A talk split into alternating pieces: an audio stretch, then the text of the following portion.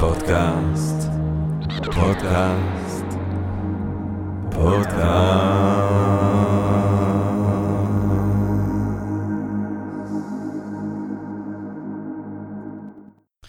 טוב, אה, גבירותיי ורבותיי, ברוכות וברוכים הבאים לפודקאסט של Think and Ring Different, פודקאסט למי שאוהב לחשוב ולשתות. אני ג'רמי פוגל, ואנחנו רוצים קודם כל להודות לסמסונג נקסט תל אביב, קרן השקעות בתוכנה בשלבים מוקדמים, שמאפשרת לנו להקליט את הפודקאסט מהמשחק שלה בשרונה כחלק מתוכנית התמיכה בקהילת החדשנות והיזמות הישראלית!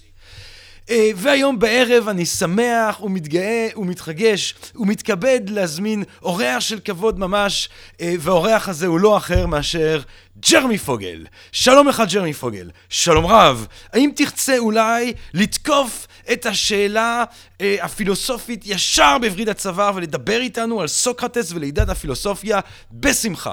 אז הנה זה קורה, אה, אנחנו היום נדבר בעצם אה, אה, שעה ורבע, שעה ועשרים, שעה וחצי, מה שלא יהיה, על סוקרטס ולידת הפילוסופיה.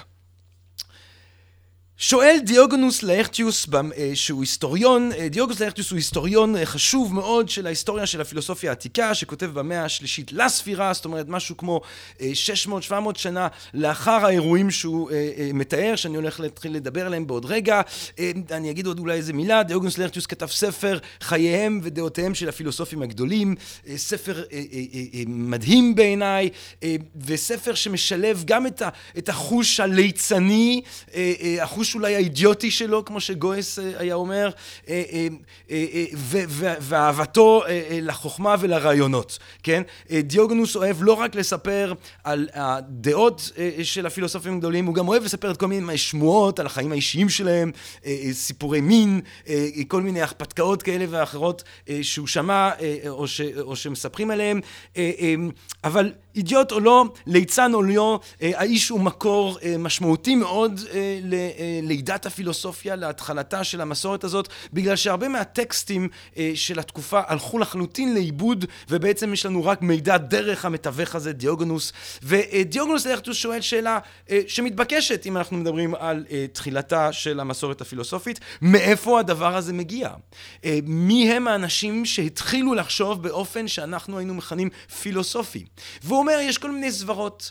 יש מי שטוען שפילוסופיה מקורה בפרס שם איזושהי מסורת אה, של המאגים, החכמים, הפרסים העתיקים שהתגלגלה אחר כך ליוון, או יש כאלה שמדברים על כך שהדבר הזה אה, מתחיל בעצם לקחות במקדשים מצרים עתיקים, איזושהי תורה סודית של נזירים מצרים כאלה ואחרים, אבל הוא אומר, הדברים האלה לא יכולים להיות. פילוסופיה, הוא טוען דיוגנוס לאכטיוס, צמחה ביוון. עובדה היא ששמה מסרב להתרגם לשפה זרה. אה, ואני חושב קודם כל, חוץ מזה שזה אה, די מבריק, כן, כבר בתקופה הזאת, לחשוב בצורה כזאת אטימולוגית, כן, עצם אה, להדביק את מקור התופעה למקור של המונח בו אנחנו משתמשים, זה דבר שהוא לא מובן אליו, ויש כמובן גם איזשהו היגיון לטענה הזאת, נכון? והיגיון שאנחנו עדיין יכולים לשים אליו לב, אנחנו בעברית משתמשים במונח היווני פילוסופיה, ככה גם בערבית, ככה גם בצרפתית, באנגלית, בגרמנית, אה, בספרדית, אה, אה, באיטלקית, כן? בהרבה מאוד שפות, המונח שבו אנחנו משתמשים כדי לתאר את הדבר הזה שהוא מחפש את מקורו, אנחנו משתמשים במונח פילוסופיה.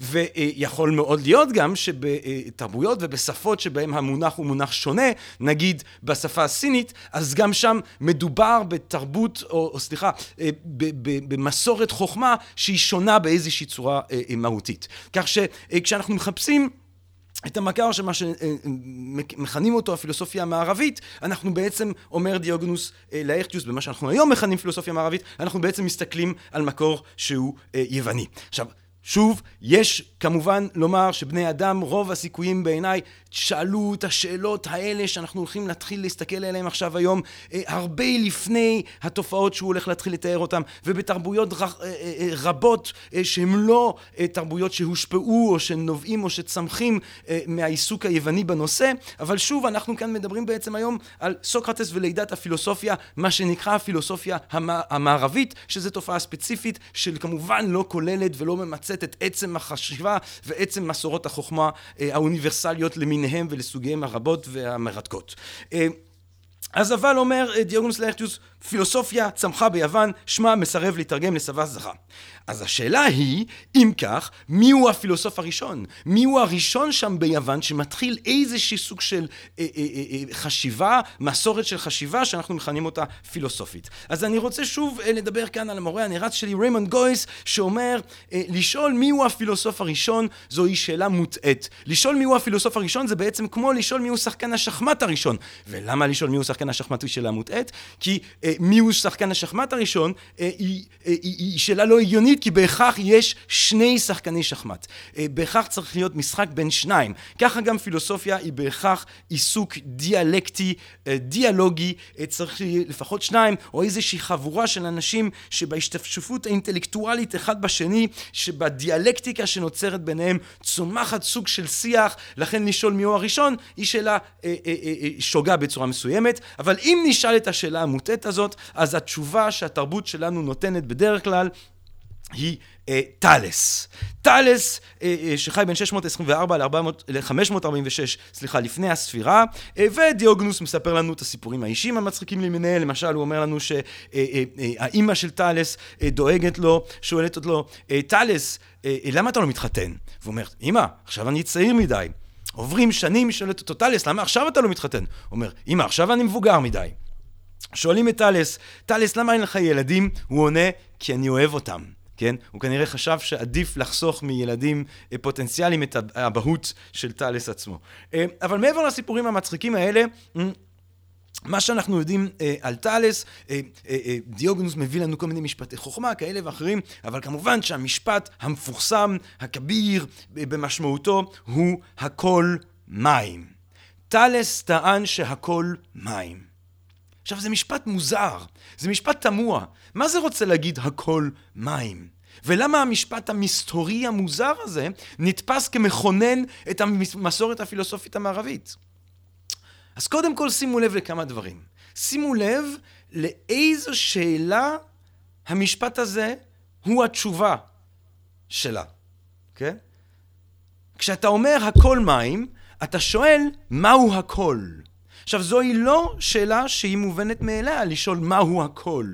זה דורש איפשהו גם איזושהי הנחה שיש איזשהו יסוד, איזשהו דבר, כן, מה שהיוונים אחר כך יקראו לו ארכי, אה, כמו ארכיטיפ, כן, ארכי, איזשהו יסוד ראשוני מאחורי כל הדברים כולם.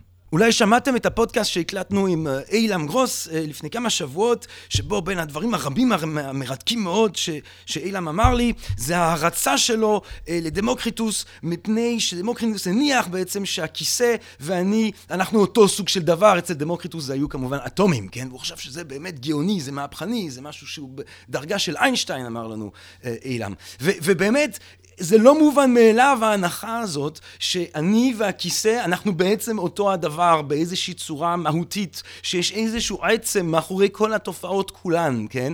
אה, אז הכל מים הוא קודם כל שאלה מעניינת, שאלה שהיא לא מובנת מאליה, שטומנת בחובה ההנחה שיש אפשרות למצוא איזשהו עיקרון שהוא אה, העיקרון שמסביר את כל הדברים כולם אה, ושבני אדם גם יכולים לגלות אותו ובעיקר שבני אדם יכולים לגלות אותו אה, בהסתמך על התבונה שלהם.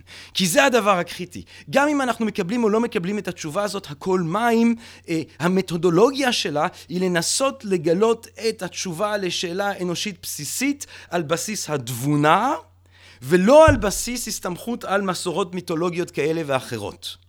זאת אומרת, כשהוא ניגש לשאלה מהו הכל, אה, הוא לא אומר בראשית ברא אדוני את השמיים ואת הארץ. הוא לא מדבר על התיאוגניה של הזיודוס שבאה מתוך כאוס עם האדמה, גאיה נובעת, שוכבת עם בנה, אורנוס יוצרת את הדור הראשון של האלים ואחר כך וכולי וכולי. אין התערבות אלוהית. יש ניסיון אולי מוטעה, אולי צנוע, אה, אה, אולי מוגבל בצורה מסוימת, לענות על השאלה הזאת בהסתמך על התבונה. ובאמצעות התבונה הזאת הוא מגיע לתשובה שהכל מים. עכשיו, מה זה רוצה להגיד בעצם הכל מים?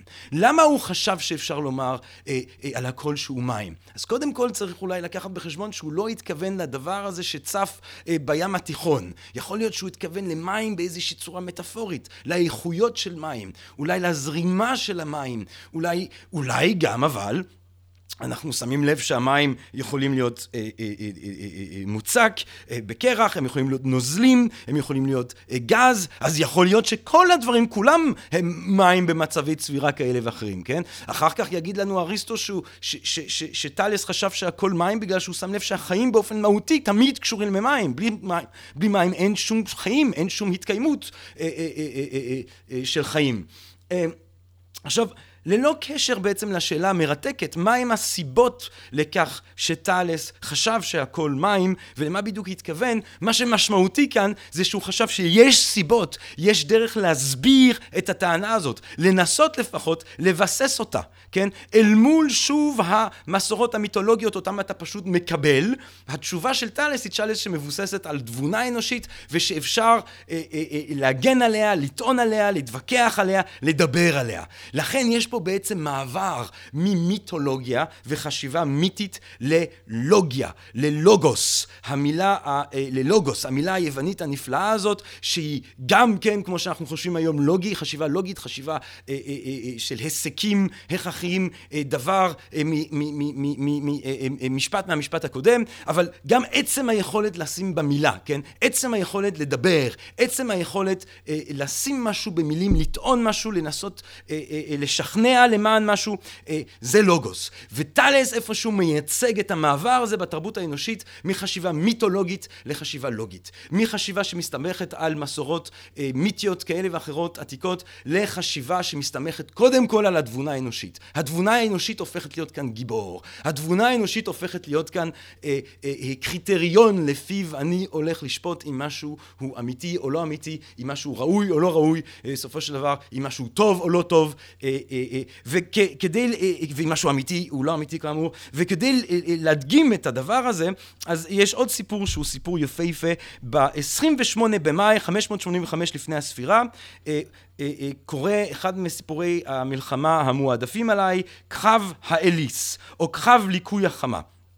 ודבר הזה קורה אה, אה, ב-28 במאי 585 לפני הספירה, אנחנו יודעים לתארך את זה כי אנחנו יודעים היום לתארך בדיעבד מתי ליקוי החמה הזה קרה, לכן זה גם האירוע ההיסטורי הראשון שאנחנו יכולים לתארך באופן מדויק. אה, וקרב האליס באים שני צבאות, אנחנו בעולם העתיק, שני צבאות על איזה שדה, הולכים להילחם, ואז פתאום ליקוי חמה, המשתתפים בדבר לוקחים את זה כסימן אלוהי לכך ש... האלים אה, לא רוצים לראות את המלחמה הזאת, סולחה, הודנה, חוזרים הביתה, לא נלחמים. אז קודם כל זה שיעור גדול על הסיבות, אה, אה, או על חוסר, או חוסר עמוק, כן, בסיבה טובה למלחמה, כן? אם די באיזשהו אירוע אסטרונומי כזה או אחר, כדי בעצם לגרום לאנשים לחשוב שאין שום סיבה להם להילחם, אולי אפשר גם לחשוב את המחשבה הנשגבת הזאת בלי האירוע, אה, אבל בעיקר הסיפור הזה חשוב לנו בהקשר הנוכחי, בגלל שאומרים על טלס שהוא ידע לחזות את הסיפור הזה. אומרים על טלס שהוא ידע לחזות מראש את ליקוי חמה. הוא אמר מראש ביום הזה והזה הדבר הזה יקרה, כן? אה, עכשיו, לא ברור לנו אם הסיפור הזה אמיתי או לא. לא ברור לנו ממה שאנחנו יודעים על המדע, כן? או על החישובים האסטרונומיים שהיו לרשות אה, טלס, איך הוא היה יכול לחזות את הדבר הזה. אבל זה פחות חשוב אם הסיפור הוא אמיתי או לא אמיתי. עצם ה... זה שמספרים על טלס סיפור כזה, שבו באמצעות התבונה האנושית שלו הוא מצליח לחזות את התנהלותם של גרמי השמיים, זה מה שחשוב כאן. כי הרי גרמי השמיים הם מושב אה, אה, אה, אה, מסורתי לנוכחות של אלים והעל טבעי וכל ה, ה, ה, הכוחות שמתערבים לנו בסיפורים המיתולוגיים, כן, אלוהים בשמיים, אה, אה, אה, אה, הכוכבים מייצגים באיזושהי צורה את אותם כוחות על טבעיים. טלס, אה, לפי הסיפור הזה, אומר לא. התבונה האנושית, גם ברובד הזה, אה, אה, אה, אה, אה יכולה אה, אה, אה, להבין את גרמי השמיים. אם גורמי השמיים מתנהלים לפי איזשהו סדר שאנחנו יכולים להבין, זה עושה להם איזושהי נטורליזציה עמוקה, כן? אה, זאת אומרת, יש פה איזושהי חוצפה, אם תרצו, של התבונה האנושית, שטוענת שגם ברובד הזה אה, היא יכולה להיות קריטריון, והיא יכולה להבין, והתלהבות גם, כן? אה, של היכולת האנושית להבין מראש אירועים כל כך כבירים כמו ליקוי חמה. עצם זה שזה הסיפור הניסי, הנפלא, לא ניסי, הסיפור הנפלא שמספרים על טלס, זה לא שהוא הפך מקל לנחש. אה, או שהוא אה, אה, אה, הופך מים ליין או מחיה ילד עם איזשהו סוג של רוח קודש על טבעית. לא. הסיפור הנפלא על טלס הוא שהוא השתמש בתבונה האנושית שלו כדי לחזות את התנהלותם של גורמי השמיים. ושוב, אם הסיפור הזה אמיתי או לא אמיתי, זה פחות משנה מעצם זה שמספרים אותו. זה כמו שיש איזה סיפור חסידי מפורסם על רב גדול שעומד למשפט מאיזושהי האשמת שווא, ועורך דין בא ואומר הרב הזה הוא צדיק ענק חזק, אין מי שיוכל, אה, אה, הוא לא יוכל אף פעם אם הוא לא קודם מחלק לאנשים מהאוכל שלו, הוא נותן את כל מה שיש לו לצדקה, הוא לא ישן בלי שהוא מארח בתוך הבית שלו אנשים אה, חסכי קורת גג, כל כולו צדקה, כל כולו טהרה, והשופט שואל אותו, תגיד, אתה באמת מאמין לכל הסיפורים האלה? והבן אדם אומר, אני לא יודע, אבל עצם זה שמספרים אותם זה חייב לומר משהו, כן? אז עצם זה שמספרים על טלס שהוא ידע לחזות מראש את ליקוי החמה, מספר לנו משהו מאוד משמעותי. מספר לנו שיש לנו כאן דמות שדורשת אה, אה, אה, עצמאות או העצמה של התבונה האנושית. דמות שמאמינה שהתבונה האנושית יכולה להבין את הכל, כן, הכל מים, ויכולה אפילו לחזות את התנהלותה של גורמי השמיים, היא יכולה לפרוס את עצמה ליקום כולו. כן? והדבר הזה, העצמת הזאת של ה... הדם של התבונה האנושית אה, נתפסת, אה, אה, או לפחות מסמלת אם תרצו, את כינונה של המסורת הפילוסופית המערבית, או במונה, אם ננסח את זה קצת אחרת, המסורת הפילוסופית המערבית בוחרת את הרגע הזה כרגע שבאיזושהי צורה מכונן אותה. הבא בתור שאני רוצה לדבר עליו אה, בתחילתה של הדרך שאנחנו מנסים לפלס כאן הוא אנקסימנדר שחי כנראה בין 610 ל-546 לפני הספירה. אומרים על אנקסימנדר שהוא היה תלמיד של אה, טאלס הדבר אה, הוא לא, הוא לא בהכרח נכון אין לנו עדויות מדויקות לכאן אבל בואו נניח שהוא היה סוג של תלמיד של, של, של טאלס או גם אם לא היה תלמיד של טאלס הוא ממשיך בעצם כן הוא חלק מאותה חבורה דיאלקטית הוא חלק מאותה תנועה אה, ואנקסימנדר אומר, עיקרון הדברים הראשוני הוא לא מים, אלא הפיירון. עכשיו, קודם כל הוא הולך להיות הראשון שהולך לכנות את העיקרון הראשוני הזה הארכה. והוא הולך לומר, הארכי הזה לא יכול להיות מים, בגלל שאי אפשר להסיק אה, אש ממים, כמו שאי אפשר להסיק אוויר מאדמה. לכן צריך שיהיה יסוד שונה, איזשהו עיקרון שונה מארבעת היסודות, כן, מים, אש, אוויר ואדמה, שמתוכם כל ארבעת היסודות האלה נובעות. ולדבר הזה הוא קורא הפיירון. והפיירון היא מסה נצחית, אינסופית, בלתי מתכלה, משהו שאיפשהו כבר מתחיל להתקרב לאיך שאנחנו היום אפילו מדמיינים את היקום, כן? אה, אז קודם כל אני רוצה ש... אה, שנשים לב לדבר אחד. אנקסימנדר שהוא בעצם, זאת אומרת, התלמיד הראשון, כן, הוא הפילוסוף השני אם תרצו, אה, סותר את תורת המורה שלו, כן? סותר את המורה. הפילוסופיה מתחילה ממורה שאומר דבר אחד, ותלמיד שאומר אני לא מסכים ואני הולך לטעון כנגד המורה, וזה דבר שהוא מאוד משמעותי, כן? מההתחלה יש במסורת הזאת משהו שהוא במובן הזה ביקורתי, שלא מקבל מסורת אבות אה, כקדושה או כמקודשת מתוקף היותה אה, אה, מסורת אבות. אה, לפעמים אני, אה, אה, אה, ש, אה, אני, אני מפליג למחשבה שאולי יש איזשהו משהו, איזשהו יסוד בתרבות היוונית של רצח אב, כן? אל מול התרבות היהודית נוצרית של רצח בן, כן, ביוון זוס אה, מסרס את האבא שלו, וכמובן אודיפוס שרוצח את האבא שלו, אה, ביהדות נצחות אה, אברהם מתבקש לשחוט את יצחק, ואלוהים בסוף הורג את בנו ישוע וכולי. אבל בכל מקרה אני חושב שזה דבר משמעותי, שהדיאלקטיקה הזאת נמצאת שם אה, על ההתחלה, ועל ההתחלה אה, אה, התלמיד לא בהכרח מקבל את התשובה של המורה ו, ומתווכח איתה, כן? יש, יש אפשרות להתווכח בגלל שעברנו מיתולוגיה ללוגיה, ללוגוס, סליחה. אה, אנקסימנדר אה, אה, אמנם מתווכח עם טלס, אבל ממשיך את אותו חשיבה ששמה את התבונה ושבוחרת בתבונה אה, ובלוגוס אה, כדי להתמודד עם השאלות האלה. שאלת הארכה, שאלת עצם היש בעצם, כן? אה, ואנקסימנדר גם השאיר פיתוחים אסטרונומיים בלתי מיתולוגיים, הדבר משמעותי במיוחד בגלל שאותם, בגלל כאמור שהאסטרונומיה מטפלת ברובד הזה שהוא בדרך כלל הרובד המיתולוגי פר אקסלנס, הכוכבים, גרמי השמיים, גם הוא הולך לטפל בדבר הזה באופן שכלי. כלכלי, באופן תבוני, אה, ו... אמנם הוא לא חושב שהמים הם הארכי, הם העיקרון הראשוני, אבל הוא הולך לטעון שחיים התחילו במים, ושימו לב, אה, אה, ובזה אגב, המדע העכשווי אומר שהוא צודק, והוא הולך לטעון שלו האדם היה כפי שהוא היום, דהיינו ייצור שלוקח לו המון זמן לדעת להכיל על עצמו, להגן על עצמו, לטפל בעצמו, הוא לא היה שורד למצב ש... הוא לא היה שורד מספיק זמן בטבע אה, אה, אה, כדי ליצור את התרבות כמו שאנחנו מכירים אותה היום. לכן הוא מסיק באופן סיבתי, רציונלי, כן? הוא הולך להסיק שהאדם פעם היה שונה ממה שהוא היום. עכשיו שימו לב, אנקסימנדר כאן, שוב באופן רציונלי, סיבתי, לוגי, עם התבונה האנושית שלו, הולך להסיק אמיתות על מקורו של האדם.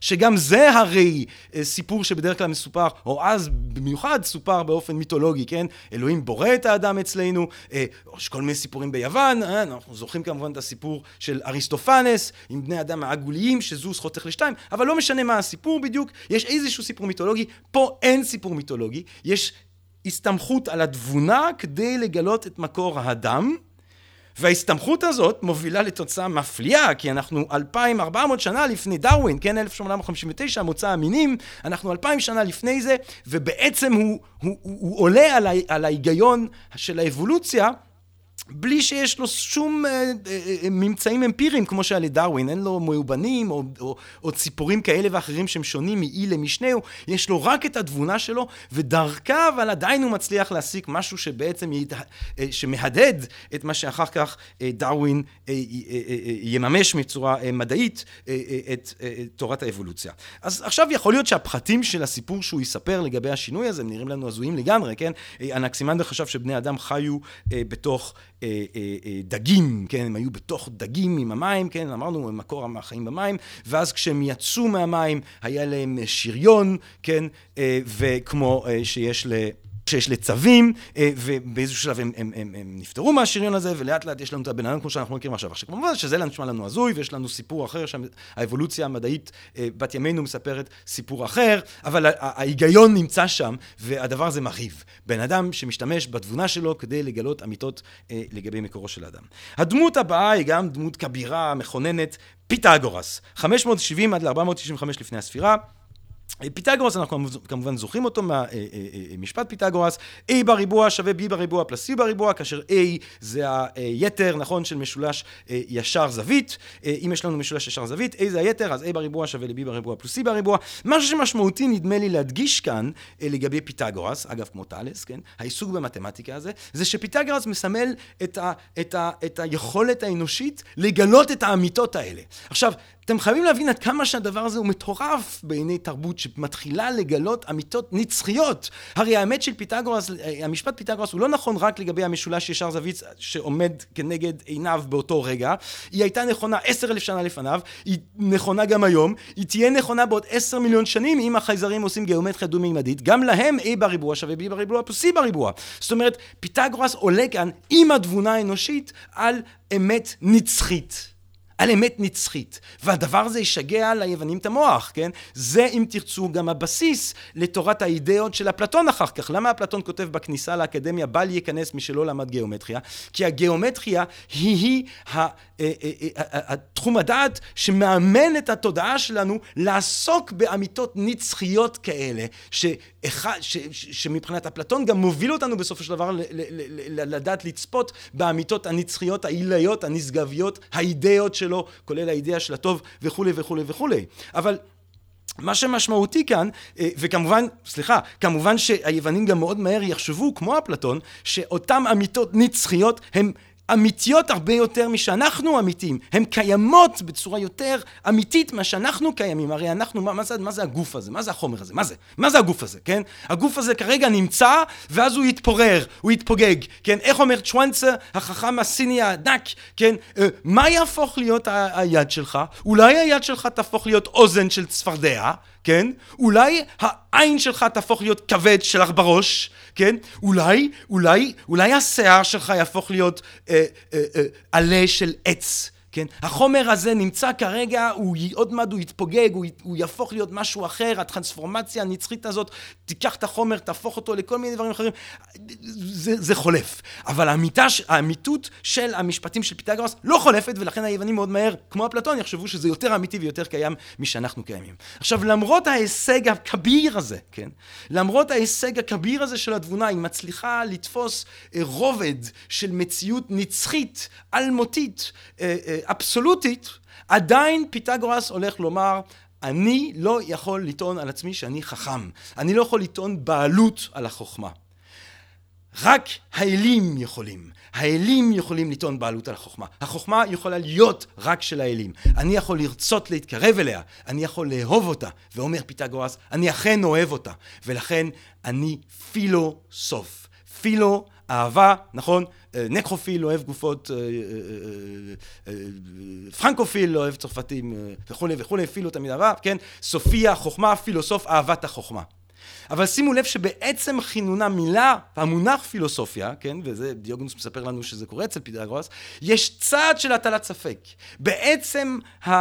אה, המצאה, אם תרצו, של המילה הזאת, יש רגע של ספק. יש רגע שבו אתה אומר, אני לא יכול להיות חכם, החוכמה היא של האלים, ולכן אני רק יכול לאהוב את החוכמה, אני פילוסוף, כן?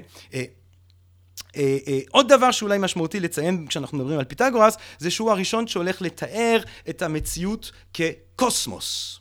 כקוסמוס, את היקום כקוסמוס. קוסמוס בהומרוס, אה, ביוון העתיקה, אה, ממש קוסמוס, המילה קוסמוס היא, היא, היא יופי, היא הרמוניה, היא סדר, כן, לכן קוסמטיקה, כן, קוסמטיקה, אה, השורש של המונח קוסמטיקה הוא קוסמוס. פיתגורס פשוט הולך להגיד, הכל הוא קוסמוס, זאת אומרת, הכל הוא סדר. כן? יש סדר בכל הדברים, ולכן גם אנחנו יכולים להבין אותו, כן? ולכן גם הוא הולך לפתח את השילוב המרהיב הזה של הרעיונות המתמטיים עם הרעיון של ההרמוניה של עצם היקום, כן? כי היקום הופך להיות קוסמוס בעקבות פיתגורס, אה, הוא הולך לשלב את זה לאיזושהי תורה רוחנית, מיסטית, מרהיבה, שאין לי זמן להיכנס אליה, אבל שוב, יש פה אפשרות לתפוס את היקום, כן? אם היקום הוא קוסמוס, אם הוא סדר, ואנחנו יכולים לתפוס מתמטיקה, אנחנו יכולים גם לתפוס את היקום, יש פה שוב את העצמה המרהיבה הזאת של התבונה האנושית. אה, עוד כמה שמות שאני רוצה לזרוק לפני שאנחנו מגיעים לגיבור המרכזי שלנו כאן היום, סוקרטס, אה, קסנופנס. אה, קסנופנס 570-475, כן, ודיוגנוס נותן לנו אה, מתנה עילאית של בדיחה בעל עומק, בעל, בעל עומק מרהיב, כן? אומר לנו קסנופנס, אם לסוסים היו אלים, היו אלה אלים סוסיים. לאריות אלים אריים, אם לדובים היו אלים, אלה היו אלים דוביים, כן? מה כאן הבדיחה? הבדיחה היא כמובן הנטייה האנושית לדמיין את האלים או את האל באופן אנתרופומורפי, כן? אה, כדמוי אדם. הדבר בולט במיוחד כמובן אה, ב, ב, ב, בתרבות, הפ... אה, לא התרבות של הפילוסופים, כן? אבל התרבות הפופולרית ה, ה, ה, של, של, של, של יוון אה, העתיקה, שבה האלים הם סוג של סלבס שחיים בסוג של הוליווד נצחי שם אה, באולימפ. אולימפוס, בוגדים, שותים, נהנים, פשוט באמת בני אדם, אבל כמובן שהדבר גם תקף לכל הפחות לפשט של האל המקראי, כן? הוא כועס, הוא, הוא, הוא קנאי, יש לו רגשות, הוא ממש פרסונה, יש לו זרוע נטויה, יש לו פנים אפילו, אנחנו נוצרנו אה, בדמותו, כן? אה, כל הדברים האלה מראים על, על מאפיינים אנתרופומורפיים לפחות בפשט של המקרא. לכן גם אחד מהמתחים העמוקים של הפילוסופים היהודים הולך להיות לנסות אה, להסביר את האנתרופומורפיזם הזה אה, כבעצם סמלי, כן? כי אחד מה... כי, כי מה שקורה פה זה בשם שקסנופנס מציע רעיון שהופך להיות נחלה עמוקה של תפיסת האל היוונית הפילוסופית, כן? שהוא לא ייתכן שהאל הוא אנושי. זה השלכה של התפיסה שלנו להפוך את האל לאנושי. כן? האל הוא, הוא, הוא עיקרון מושלם, מופשט, מניע, בלתי מונע כזה, כוח עליון שמניע את כל היקום, זה לא פרסונה. אה, לחשוב אותו כפרסונה זה מגוחך, כמו שזה יהיה מגוחך לנמלים לחשוב את האל כנמלה, כן? אה, ולכן, כאמור, הפילוסופים היהודים הולכים לנסות להסביר את הלכאורה אנתרופומורפיזם של המקחה אה, כבעצם סמלי, כן? מה, מה הרמב"ם עושה בפרק הראשון של מורה נבוכים? הוא לוקח כל מיני מונחים שהם לכאורה אנתרופומורפיים, כן? כבוד האל, פני האל, אני יודע מה, והוא הולך להסביר אותם כ, כסמליים, כבעצם משמעותם היא משמעות שהיא לגיטימית מבחינה פילוסופית, כן? אז איפשהו, אם אנחנו מאמינים באל שהוא כל יכול, כל יודע, אה, אה, כולו טוב, שלמות שכזו, כן, אה, אנחנו מאמינים במידה רבה באל אה, יווני, כן, או, אה, ולכן אני תמיד תוהה לגבי ההאשמה של התייוונות, התייוונו מזמן, אנחנו מאמינים באל שבמידה מסוימת הוא גם יווני, כן, אנחנו במידה, יש אולי כאלה שכן מאמינים באל שהוא לחלוטין פרסונלי עם זקן בשמיים שכועס בגלל עניינים פוליטיים ארציים, יכול, לגיטימית, אבל במידה ואנחנו מאמינים באל שהוא גם, שהוא כוח עליון של שלמות וזה, אז יש פה גם אלמנטים אה, יוונים, ככה שרבותיי אפשר להירגע, התייוונו, והכל בסדר, שום דבר לא קרה, כן? גם בינתיים היוונים חטפו מהתרבות שלנו, כל אחד חוטף מהתרבות אחד של השני, ככה זה בני אדם, אני לא חושב שיש עם זה בעיה. בכל מקרה, אה, אה, אה, אה עוד הרקליטס, אני חייב גם לציין את הרקליטס, 535 אה, עד 475 לפני הספירה, פנטרי, הכל זורם. מים שונים זורמים על מי שדורך באותו נהר,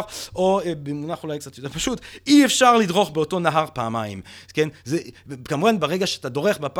באותו לכאורה נהר פעם שנייה, זה כבר לא אותו נהר, זה לא אותו מים, וככה גם המציאות, כן? אולי זה מהדהד פה איפשהו את הכל מים. המציאות כולה תמיד בזרימה. יש אשליה לפעמים שדברים נשארים אותו דבר, אבל שום דבר לא באמת נשאר אותו דבר. הכל תמיד נמצא במצב של flux. flux, הכל תמיד נמצא במצב של זרימה, כן? אה, ובהתייחס לאותו אה, משפט, אי אפשר לדרוך באותו נהר פעמיים, אומר תלמיד של אה, פיתגורס בשם, סליחה, של הרקליטס, תלמיד של הרקליטס בשם קרטילוס, אומר אי אפשר אפילו לדרוך באותו נהר פעם אחת, כן? ואותו קחטילוס שהמשיך את הרקליטס הלאה, באיזשהו שלב גם הפסיק לדבר, כן? כי הוא חשב שברגע שאני אומר מילה, עד שהמילה הזאת מגיעה אלייך או אליך, אין לה כבר את אותה משמעות, אז אין טעם בכלל לדבר, אין טעם לנסות לדובב את המציאות, והוא רק היה מזיז את היד ככה הלוך חזור, כשהיו שואלים אותו שאלות, הוא נהיה סוג של מורה זן ככה, מיסטיקאי, אה, אה, או, או מיסטיקאי של הספונטניות של הרגע. אה, קירקגרד אחר כך נותן את קרטילוס כדוגמה לכך שלא תמיד צריך לקחת את הצד הנוסף, כן? והוא כמובן רוצה לטעון שלא צריך לקחת את הצד מעבר לאמונה, צריך לדעת לפעמים, אולי בצורה אירונית, בהינתן שהרקליטס מדבר על זה שהכל תמיד זורם, קירקגרד מציע לנו שלפעמים צריך לדעת גם לעמוד במקום. אבל פרמנידס, כן, אל מול, אל מול הרקליטס, יש לנו את פרמנידס שמתרכז בעצם היש. מה שישנו ישנו, מה שאיננו איננו. אה, נראה לנו אולי אה, אה, מובן מאליו, אבל היופי הוא, הוא, הוא היכולת לפעמים גם להתפעל מהמובן מאליו. כי מה שפרמנידס אולי אה, מדגיש כאן, עם המשפט היפה הזה, מה שישנו ישנו ומה, ש, אה, אה, אה, ומה שאיננו איננו, היא שאלת עצם היש. שאלת עצם היש, שהיא בעצם השאלה שדיברנו עליה בחצי שעה האחרונה, נכון? שאלת עצם היש. מה זה העצם היש הזה? אז קודם כל כמובן פרמנידס, המודל הזה שמה שישנו ישנו, מצביע דווקא על איזשהו אה, אה, אה, אה, פן, אה, איך הייתי אומר, דיאלקטי אל מול הרקליטס. כי אם הרקליטס זה הזרימה, זה השינוי המתמיד, פרמנידס זה היש הנצחי, כן? הישנויות הנצחית. אבל לדעתי עוד אולי, אה, או, או, או לפחות אותי מלהיב את שאלה, עצם השאלה של עצם היש. עצם המסתורין הזה שמאיר בנו אה, אה, אה, פרמנידס. מה זה עצם היש, כן? אומר יונסקו הסופר, המחזאי האבסורד הגדול של המאה העשרים הרומני צרפתי, מה שאבסורד בעיניי זה לא שאנשים קמים בבוקר, שמים עניבה והולכים לעבוד, ואז אוכלים ארוחת צהריים, חוזרים לעבוד, הולכים לישון בערב, כן? מה שאבסורד זה עצם זה שמשהו קיים, כן? ברגע שעצם זה שמשהו קיים, קיים, זה הזוי, זה מטורף. ברגע שהתחלת משם, אז כל הטירוף שבא בעקבות זה רק נובע מהטירוף הראשוני הזה. עצם היש, פליאה אל מול עצם היש, שהיא, אה, מאפיין שיישאר, שיהדהד אה, אה, לעולם ועד למיטב הבנתי בהיסטוריה הפילוסופית. אה, למשל באותו אה, הוכחה שאני תמיד אוהב לדבר עליה של קאנט, כן, קאנט הפחי, קאנטיאנים תרצו את קאנט הפחי ביקורתי כשהוא עוד חושב שאפשר לעשות מטאפיזיקה, אה, מאות שנים אחר כך, כן, אה, במאה ה-18, הולך אה, לקחת עוד צעד ולטעון לא רק שאנחנו יכולים להראות שמה שישנו ישנו, מה שאינו איננו, אני הולך לנסות להוכיח, כן, שמה שישנו, ישנו בהכרח. אה, עכשיו, זה דקה קצת מטאפיזית, אז אל תדאגו, כן, אנחנו עוד מעט חוזרים ליוונים שלנו, אבל קאנט אומר, אני הוכחה שאני חייב שנייה לציין אותה שוב, כי היא כל כך יפה. קאנט אומר, נניח ולא היה. נניח ולא היה. אז לא, אז אין. כן, נניח ולא היה, אין את תל אביב, אין את ישראל, אין את העולם, אין את היקום, אין את, אה, אין, אין, אין את הגלקסיה, אין את היקום, אין את עצם היש, אין, אין, אין, ריק, ריק, אין, אין. אז אין בעיה. האין לא סותר את האין, כן? זה לקחת את סטלין מטאפיזית. איך אמר סטלין? אין בעיה, אין, אין בן אדם, אין בעיה. פה אין כלום, אין עצם היש, אז בכלל אין בעיה. אין אין. האין לא סותר את האין. אבל יש! אנחנו יודעים את זה, אה, אנחנו יודעים את זה מאז פרמנידס. יש משהו בקטע המוזר הזה של להיות קיים. משהו קורה כאן. אי אפשר להגיד שלא קורה כאן כלום. משהו בקטע הזה של להיות קיים. אולי אנחנו לא יודעים מה, אולי מאחורי מה שנראה לנו שקיים יש מים, או יש אפיירון, או יש... אה, אולי אנחנו רק הולוגרמה, כן? אולי אין אני, אולי אני הוא רק איזשהו ייצוג מאחוריו, יש כל מיני דברים סותרים, או כל מיני זרימות של אה, מחשבות ותופעות מנטליות כאלה ואחרות. לא יודע. אבל משהו קיים. קיים, יש ישנו. עכשיו השאלה היא האם היש ישנו בהכרח, או אם היה יכול להיות מצב שבו אין, ובמקרה יש. אז אומר כאן, בסדר, יכול להיות באמת שאי אפשר לומר שיש בהכרח, אבל אם יש בהכרח, אפשרי שיהיה. אם יש ויש, אז בהכרח אפשרי שיהיה. נכון? עצם זה שיש, מראה ש... אפשרי להיות. ומסיקנט, גם האפשרות להיות היא משהו. והיא תמיד הייתה צריכה להיות כי יש. לכן תמיד היה, והיש ישנו בהכרח. עכשיו, בסדר, משכנע, לא משכנע, כאן בעצמו יחשוב אה, יותר מאוחר בחיים שלו שסוג כזה של חשיבה הוא לא אה, לגיטימי אם תרצו, כי הוא עוסק ברובד של התבונה, אין בו שום אחיזה וכולי, אבל מה שחשוב לי פה להדגיש זה התפעלות אל מול עצם היש. כן, אפלטון יגיד אחר כך, פילוסופיה מתחילה מהתפעלות מול עצם היש, ואני רוצה להוסיף שפילוסופיה במיטבה גם מסתיימת בהתפעלות, בהתפלאות מול עצם היש. אני חושב שאחד מהדברים היפים, אחד מהדברים שאני אוהב בפילוסופיה, זה שהיא היא מובילה אותנו, היא מחיה בנו שוב את ההתפעלות הראשונית הזאת מול עצם היש. כן? לא לקח את הדבר הזה כמובן מאליו. עצם זה שיש משהו, זה דבר מטורף, וזה דבר מדהים, כן? וכל האנשים החכמים, הגאונים, המבריקים הללו, כל החברים האלה שציינתי עכשיו, כן? טאלס, אנקסימנדר, פיתגורס, הרקליטס, פרמנידס, קסנופנס וכולי, ויש עוד כמה וכמה וחכמים וגדולים כולם. אה, כולם, אנחנו מכנים אותם פרה-סוקרטים. הם הפרה-סוקרטים. עצם זה שאנחנו מכנים אותם פרה-סוקרטים, כמובן אומר לנו משהו מש... מאוד משמעותי לגבי סוקרטס. עצם זה שאנחנו מכנים אותם פרי-סוקרטים, אומר לנו שסוקרטס באיזושהי צורה מכונן באמת את, ה, אה, את המסורת הפילוסופית אה, המערבית. כן? אם, זאת אומרת, יש כל מיני תופעות, יש מעבר מלוגוס, ממיתולוגיה ללוגוס, שמתחיל לקחות אצל הגיבורים האלה שאנחנו דיברנו עליהם עכשיו, אבל אם סוקרטס, איך אומר המים הזה היום? shit gets real. כאילו, משהו עכשיו קורה עם סוקרטס, שבאמת מתחיל את המסורת הזאת. סוקרטס באיזושהי, הוא נקודת מפנה. כן, אם תרצו, ואני חושב שבהיסטוריה של הפילוסופיה המערבית רק אפשר לומר את אותו דבר, אולי גם על קאנט, כן? בצורה אה, משמעותית, אה, אה, כל הפילוסופיה שבאה אחרי קאנט היא פוסט-קאנטיאנית. ועם כל האהבה הרבה, ההערצה שלי לאנשים כמו שפינוזה, שופנאור, ניטשה, אי אפשר אולי לטעון את אותו דבר, כן?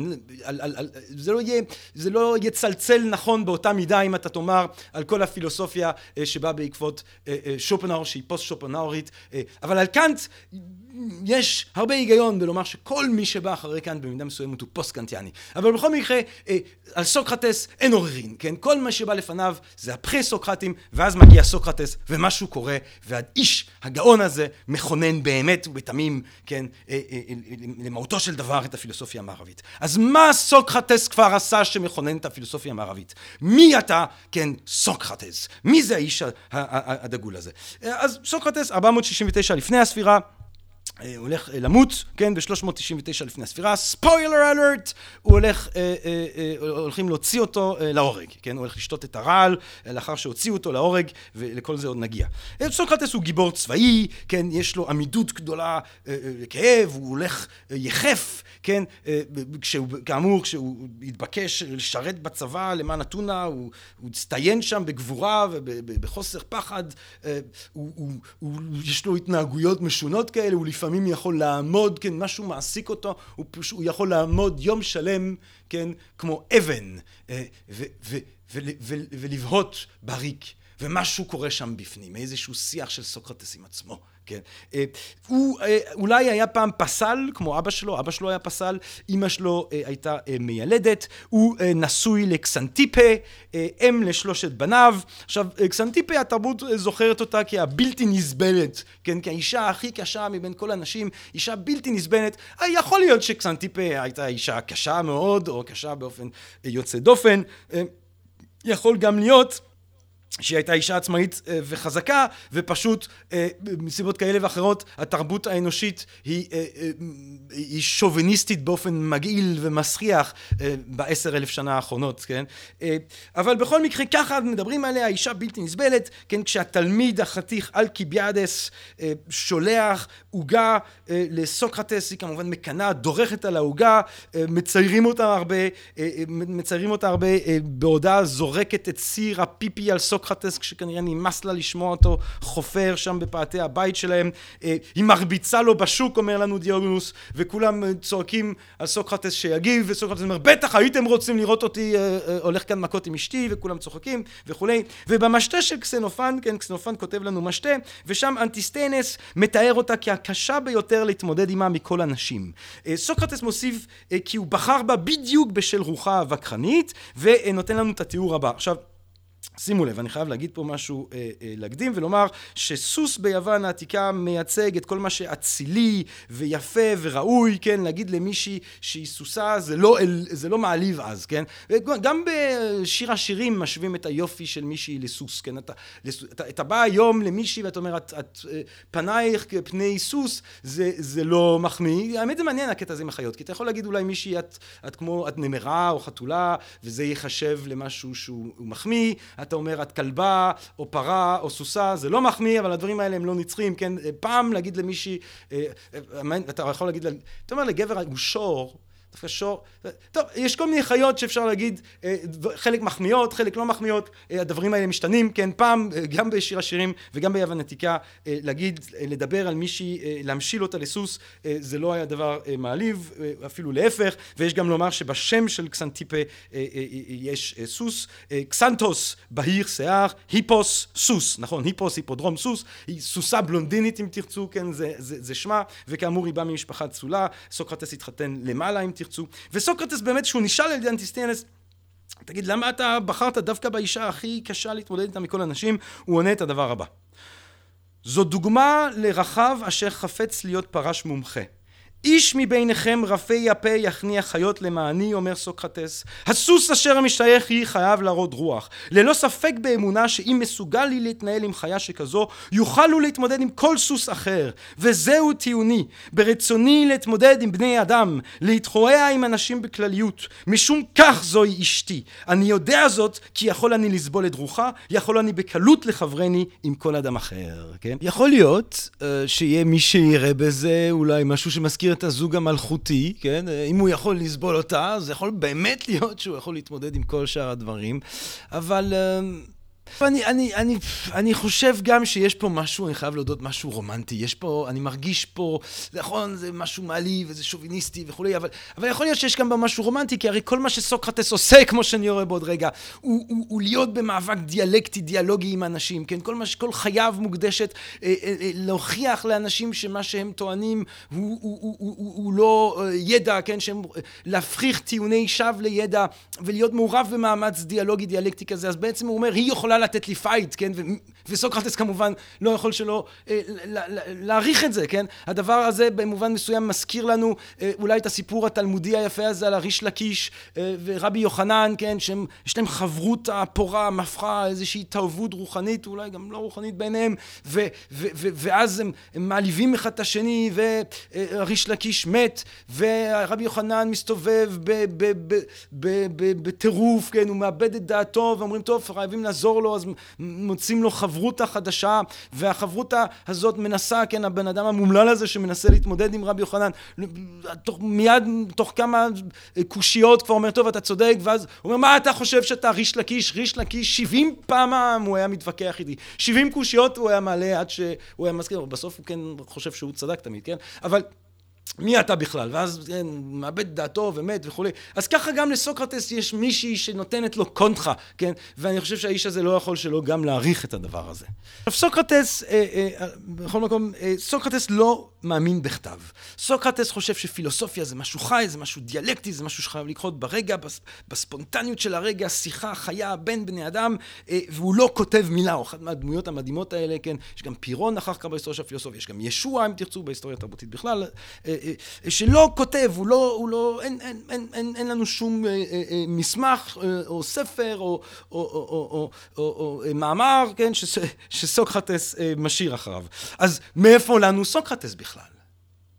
וכמובן שהתשובה היא שלסוקרטס היה תלמיד ענק, תלמיד מרהיב, אחד מנשמות הברבור הנשגבות העילאיות בהיסטוריה האנושית, כן, אפלטון, 429 עד ל-348 לפני הספירה, אפלטון שהוא באמת אחד התודעות העילאיות שהאנושות אי פעם זכתה להם, אה, אדם שעצם היותו מאותו זן שגם אנחנו משתייכים אליו, כן, אני רואה בזה דבר כל כך משמח, אני רואה בזה כבוד גדול להיות אה, שותף לזן האנושי עם אה, אדם כמו אפלטון, האיש הדגול הזה שאומר עליו וייטד במאה העשרים שכל הפילוסופיה המערבית היא רק סדרה של הערות שוליים לאפלטון אה, שזה נשמע כמו משהו שאתה אומר בבר מצווה או בחתונה כדי לשמח את הילד או את האימא או את החתן או מה, לא יודע מה, משהו מוגזם, איזה מחמאה ככה לא, לא קשורה לכלום, אבל אני חייב לומר שעם השנים, כן, ככל שאני אה, קורא יותר אה, פילוסופיה ואני קורא יותר את אפלטון, אה, אני מתחיל לחשוב שאולי זה לא כל כך מוגזם, שגם אם באופן קיקיוני, כן, בתוך הדיאלוגים האלה של אפלטון, כי כמו שנראה, אפלטון כותב דיאלוגים, כן, מחזות פילוסופיים כאלה אם תרצו, אם בפה של סוקרטס, או אם בפה של האנשים שסוקרטס מדבר איתם, אתה באמת תמצא אה, עושר עילאי של רעיונות, והרבה מאוד, אם לא אולי אפילו כל הרעיונות שיפותחו אחר כך בהיסטוריה הפילוסופית, גם אם באופן קיקיוני אתה יכול להצביע על רגע שהם מופיעים ככה אה, באחד, מהדיאלוג, באחד מהדיאלוגים, כך, ש, כך שזה לא, לא, לא מופרך אה, יתר על המידה, מה שאומר וייטהד, אה, והגאון הזה, כן, האיש שבעצם הוא זה, כן, שנותן לנו את סוקרטס, ועקב זאת גם הוא זה שנותן לנו בעצם את מה שמכונן את המסורת הפילוסופית המערבית, וגם במידה רבה את הרוחניות המערבית, כי הרבה מהרעיונות הדתיים אחר כך מנובים גם הם מהחשיבה הפלטונית. אה, האיש הענק הזה מציין את עצמו בכתיבה שלו שלוש פעמים, כן? שלוש פעמים. בשלושים שניות הקרובות אני הולך לציין לכם, אני הולך להקריא לכם את כל הפעמים שאפלטון מציין את עצמו אה, בכתיבה שלו עצמו, כן? אה, פעמיים זה יהיה באפולוגיה, הטקסט שאני הולך לגעת בו בעוד רגע, ההגנה של סוקרטס במשפטו. אה, וסוקרטס אה, כזכור אה, מואשם בכפירה, כן, בזה שהוא מאמין באלים שהם זרים לאלי המדינה ובכל מיני מעשים דמונים, ושהוא מקלקל את הנוער. אז כמובן באיזשהו שלב הוא יגיד, אם אני מקלקל את הנוער, אז המשפחות של אותם צעירים בטח מתבאסים על זה שאני הרסתי להם את הילדים, אבל הוא אומר, ואני מצטט, והנה אדמונטוס בן אריסטון שאחיו הוא אפלטון. ציון ראשון, כן. שהוא בעצם ציון עקיף, כי בעצם מי שמצוין כאן זה, זה בכלל אה, אה, אה, אה, אה, אה, דימנטוס בן אריסטון, זה בכלל האח של אפלטון.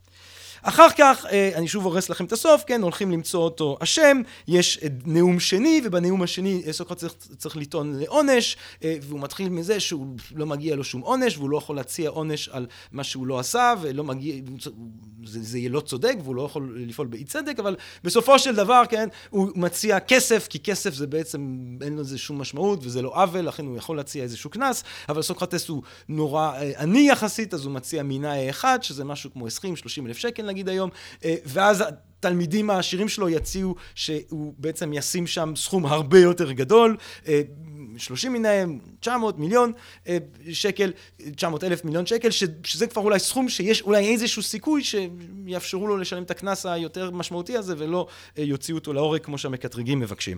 ואז הוא מציין את אפלטון, כן? צטט, אולם אפלטון הלז אנשי אתונה וקריטון וקריטובולוס ופולודורוס מבקשים אותי להציע שלושים מנהל. אז כן, סוק, פה אפלטון מציין את עצמו, חשוב לו לומר, אני הייתי אחד מהחבר'ה, אחד מהחבר'ה ששמו כסף כדי לנסות להציל את סוקרטס במשפט. ואז הציון השלישי הוא בפתיח של הפאידון, שזה אולי הרגע הכי דרמטי מבחינה ביוגרפית לפחות בסיפור הסוקרטי, כן? זה הרגע שבו סוקרטס שבסוף כן יהיה, אה, אה, אה, אה, אה, לא רק ימצאו אותו אשם, אה, הם גם יבקשו עונש מוות, וזה הרגע שבו הוא הולך לשתות את הרעל, ובשעות האחרונות שיש למורה הנערץ הדגול סוקרטס על כדור הארץ, הוא אה, מדבר עם החבר'ה על הישארות הנפש ומנסה לטעון למען הישארות הנפש, אה, ובפתיח שהדיאלוג הזה שכמובן אפלטון הוא זה שכותב אותו, כן? אז בפתיח בדמות שהולכת להיות המספר, שמספרת לנו מה קרה ומי היה, הוא אומר אפלטון כמדומני היה חולה. זאת אומרת שברגע הכי דרמטי אפלטון אה, אה, לא נמצא, הוא מעלים את עצמו, והוא מעלים את עצמו באופן ככה, כמדומני היה חולה, הוא אומר, לא ברור, הוא היה שם, הוא לא היה שם, הוא היה חולה, מה היה, הוא לא מספיק חשוב כדי שידעו בבירור איפה הוא נמצא אפילו, ברגע הכי דרמטי, כן? אפלטון כמדומני היה חולה. שלושת הרגעים האלה, אלה הם הרגעים היחידים בהם אנחנו אה, שומעים את אפלטון אה, מדבר אה, את עצמו בדיאלוגים שלו. וזה שיעור ענק לצניעות, לענווה. רבותיי וגבירותיי, זה האיש שנותן לנו אה, באיזושהי צורה התרבות המערבית הוא אחד מהמקורות המובהקים שלה, זה איש ענק, זה איש אינסופי, והוא טורח לציין את עצמו שלוש פעמים קטנות בצניעות, באופן לא ישר, ובכלל בפעם הכי דרמטית להגיד שהוא לא היה, כן? אנחנו חיים בעידן אני, כן? כל פוץ כמוני ידבר, אני כתבתי, אני עשיתי, אני נתתי זה, אני עושה ככה, ותראו אותי בפייסבוק, ותראו את אפלטון. זה שיעור, שיעור לחיים. אה, יש לנו לשמחתנו גם את האיגרת השביעית, שזה איזשהו מסמך שאפלטון אה, כותב, אה, כנראה אנחנו חושבים בוודאות מסוימת לפחות, שאפלטון כותב את המסמך הזה, ובמסמך הזה אפלטון כן ידבר באופן ישירות, ידבר באופן ישיר, והוא יגיד באופן ישיר איך הוא תופס את הפעילות הזאת, את הכתיבה הזאת שלו. והוא אומר, אני יש בפי לומר על כל אשר כתבו ויכתבו, הפעילות הזאת כמובן אני מתכוון לפילוסופיה. אני יש בפי לומר על כל אשר כתבו ויכתבו. לפי טענתם יודעים הם את הדברים שלהם נתונה שקידתי, בין ששמעו זאת מפי, בין שמפיהם של אחרים, בין שכאילו גילו את הדבר בעצמם. לפי דעתי אינם מבינים ולא כלום באותו עניין. מכל מקום, אין ולעולם לא ייכתב ספר משלי בעניינים אלו, ובשום פנים אין זה דבר הניתן להיאמר כשאר מדעים, אלא לאחר שיח ושיג מרובה הסובב את עצם הבעיה, ולאחר חיים שבצוותא, לפתע כאילו ינתז ניצוץ אל הנשמה, שידליק בתוכה אור אשר מכאן ואילך כבר יזון את עצמו. זאת אומרת, גם אפלטון שותף בסופו של דבר להנחה בצורה עמוקה הוא שותף להנוחה הסוקרטית שאי אפשר בעצם לכתוב פילוסופיה. ספר לא יכול להכיל את הדבר הזה שפילוסופיה אמורה לעשות, את הרוממות רוח הזאת שפילוסופיה אמורה להוביל אליה, כן? אה, אמנם הוא לא יכול היה שלא לכתוב, כן? כנראה שהיה קודם כל מאוד חשוב לו לשמר את המורשת של המורה הנערץ שלו, את הפעילות הזאת, אבל הספרים האלה הם דוגמה למה שצריך לקרות בחיים עצמם, הם דוגמה לסוג הדיאלוגים ולכיווני המחשבה שצריך לפתח אותם באופן חי, באופן אמיתי, בחיים שבצוותא, כן? כדי שלפתע כאילו ינתז ניצוץ אל הנשמה שידליק בתוכה אור אשר מכאן ואילך כבר יזון את עצמו. שימו לב שזה תיאור אה, אה, דתי, רוחני כזה של, של התוצאה של מה שהפילוסופיה אמורה לעשות. זה תיאור מדהים, נפלא, נשגב, צריך לזכור, כל מי שמתעניין בפילוסופיה צריך לזכור את המשפט הזה, כן? לחשוב לאורו את הפעילות שאליה הוא מקדיש את זמנו. אה, עכשיו, אם אפלטון אה, אה, כותב את סוקרטס, כן? כמובן הוא לא היחידי, כן? כי אנחנו אמרנו מקודם, גם סוקרטס גם מדבר, למשל במשתה של קסנופון, כן? אבל אם, אם, אם אפלטון לא היה כותב את סוקרטס, אז היה לנו מקורות אחרים, וזה הסוקרטס שמשתקף למשל אצל קסנופון, הוא סוקרטס הרבה יותר ארצי, הוא סוקרטס אה, שמדבר על, הוא נותן, הוא, הוא סוג של self-help אה, כזה, כן, מופיע, אחד שמופיע בת, בטלוויזיה היום, ונותן טיפים, כן, איך, איך לנהל משק בית, מתי כן או לא לקיים מין אנאלי, כן, לא עם האהוב, אם צריך אז עם העבד, או הוא מאוד גס, משווה, חיתון, לא זוכר, משווה אחד מהחבר'ה לחזיר שמאונן על, על, על אבנים, כן, מרוב שהוא חרמן. זה סוקרטס שהוא יותר ככה, הוא יותר ארצי, כן, הוא יותר, הוא יותר שובבון. אני אגב חושב שזה היה בטח צד של סוקרטס, כן, אבל אם הצד הפילוסופי, הצד העמוק, משתקף בכתיבה של אותו אפלטון, אם לא היה לנו את הכתיבה הזאת של אפלטון, אז היה לנו דמות שהיא הרבה פחות עמוקה, בגלל שמי שכותב אותה, מי שמנסה להכיל אותה בכתב, הם אנשים הרבה פחות עמוקים משאפלטון. כמובן, זה קריטריון קשה, כן, מי עמוק כמו שאפלטון היה עמוק.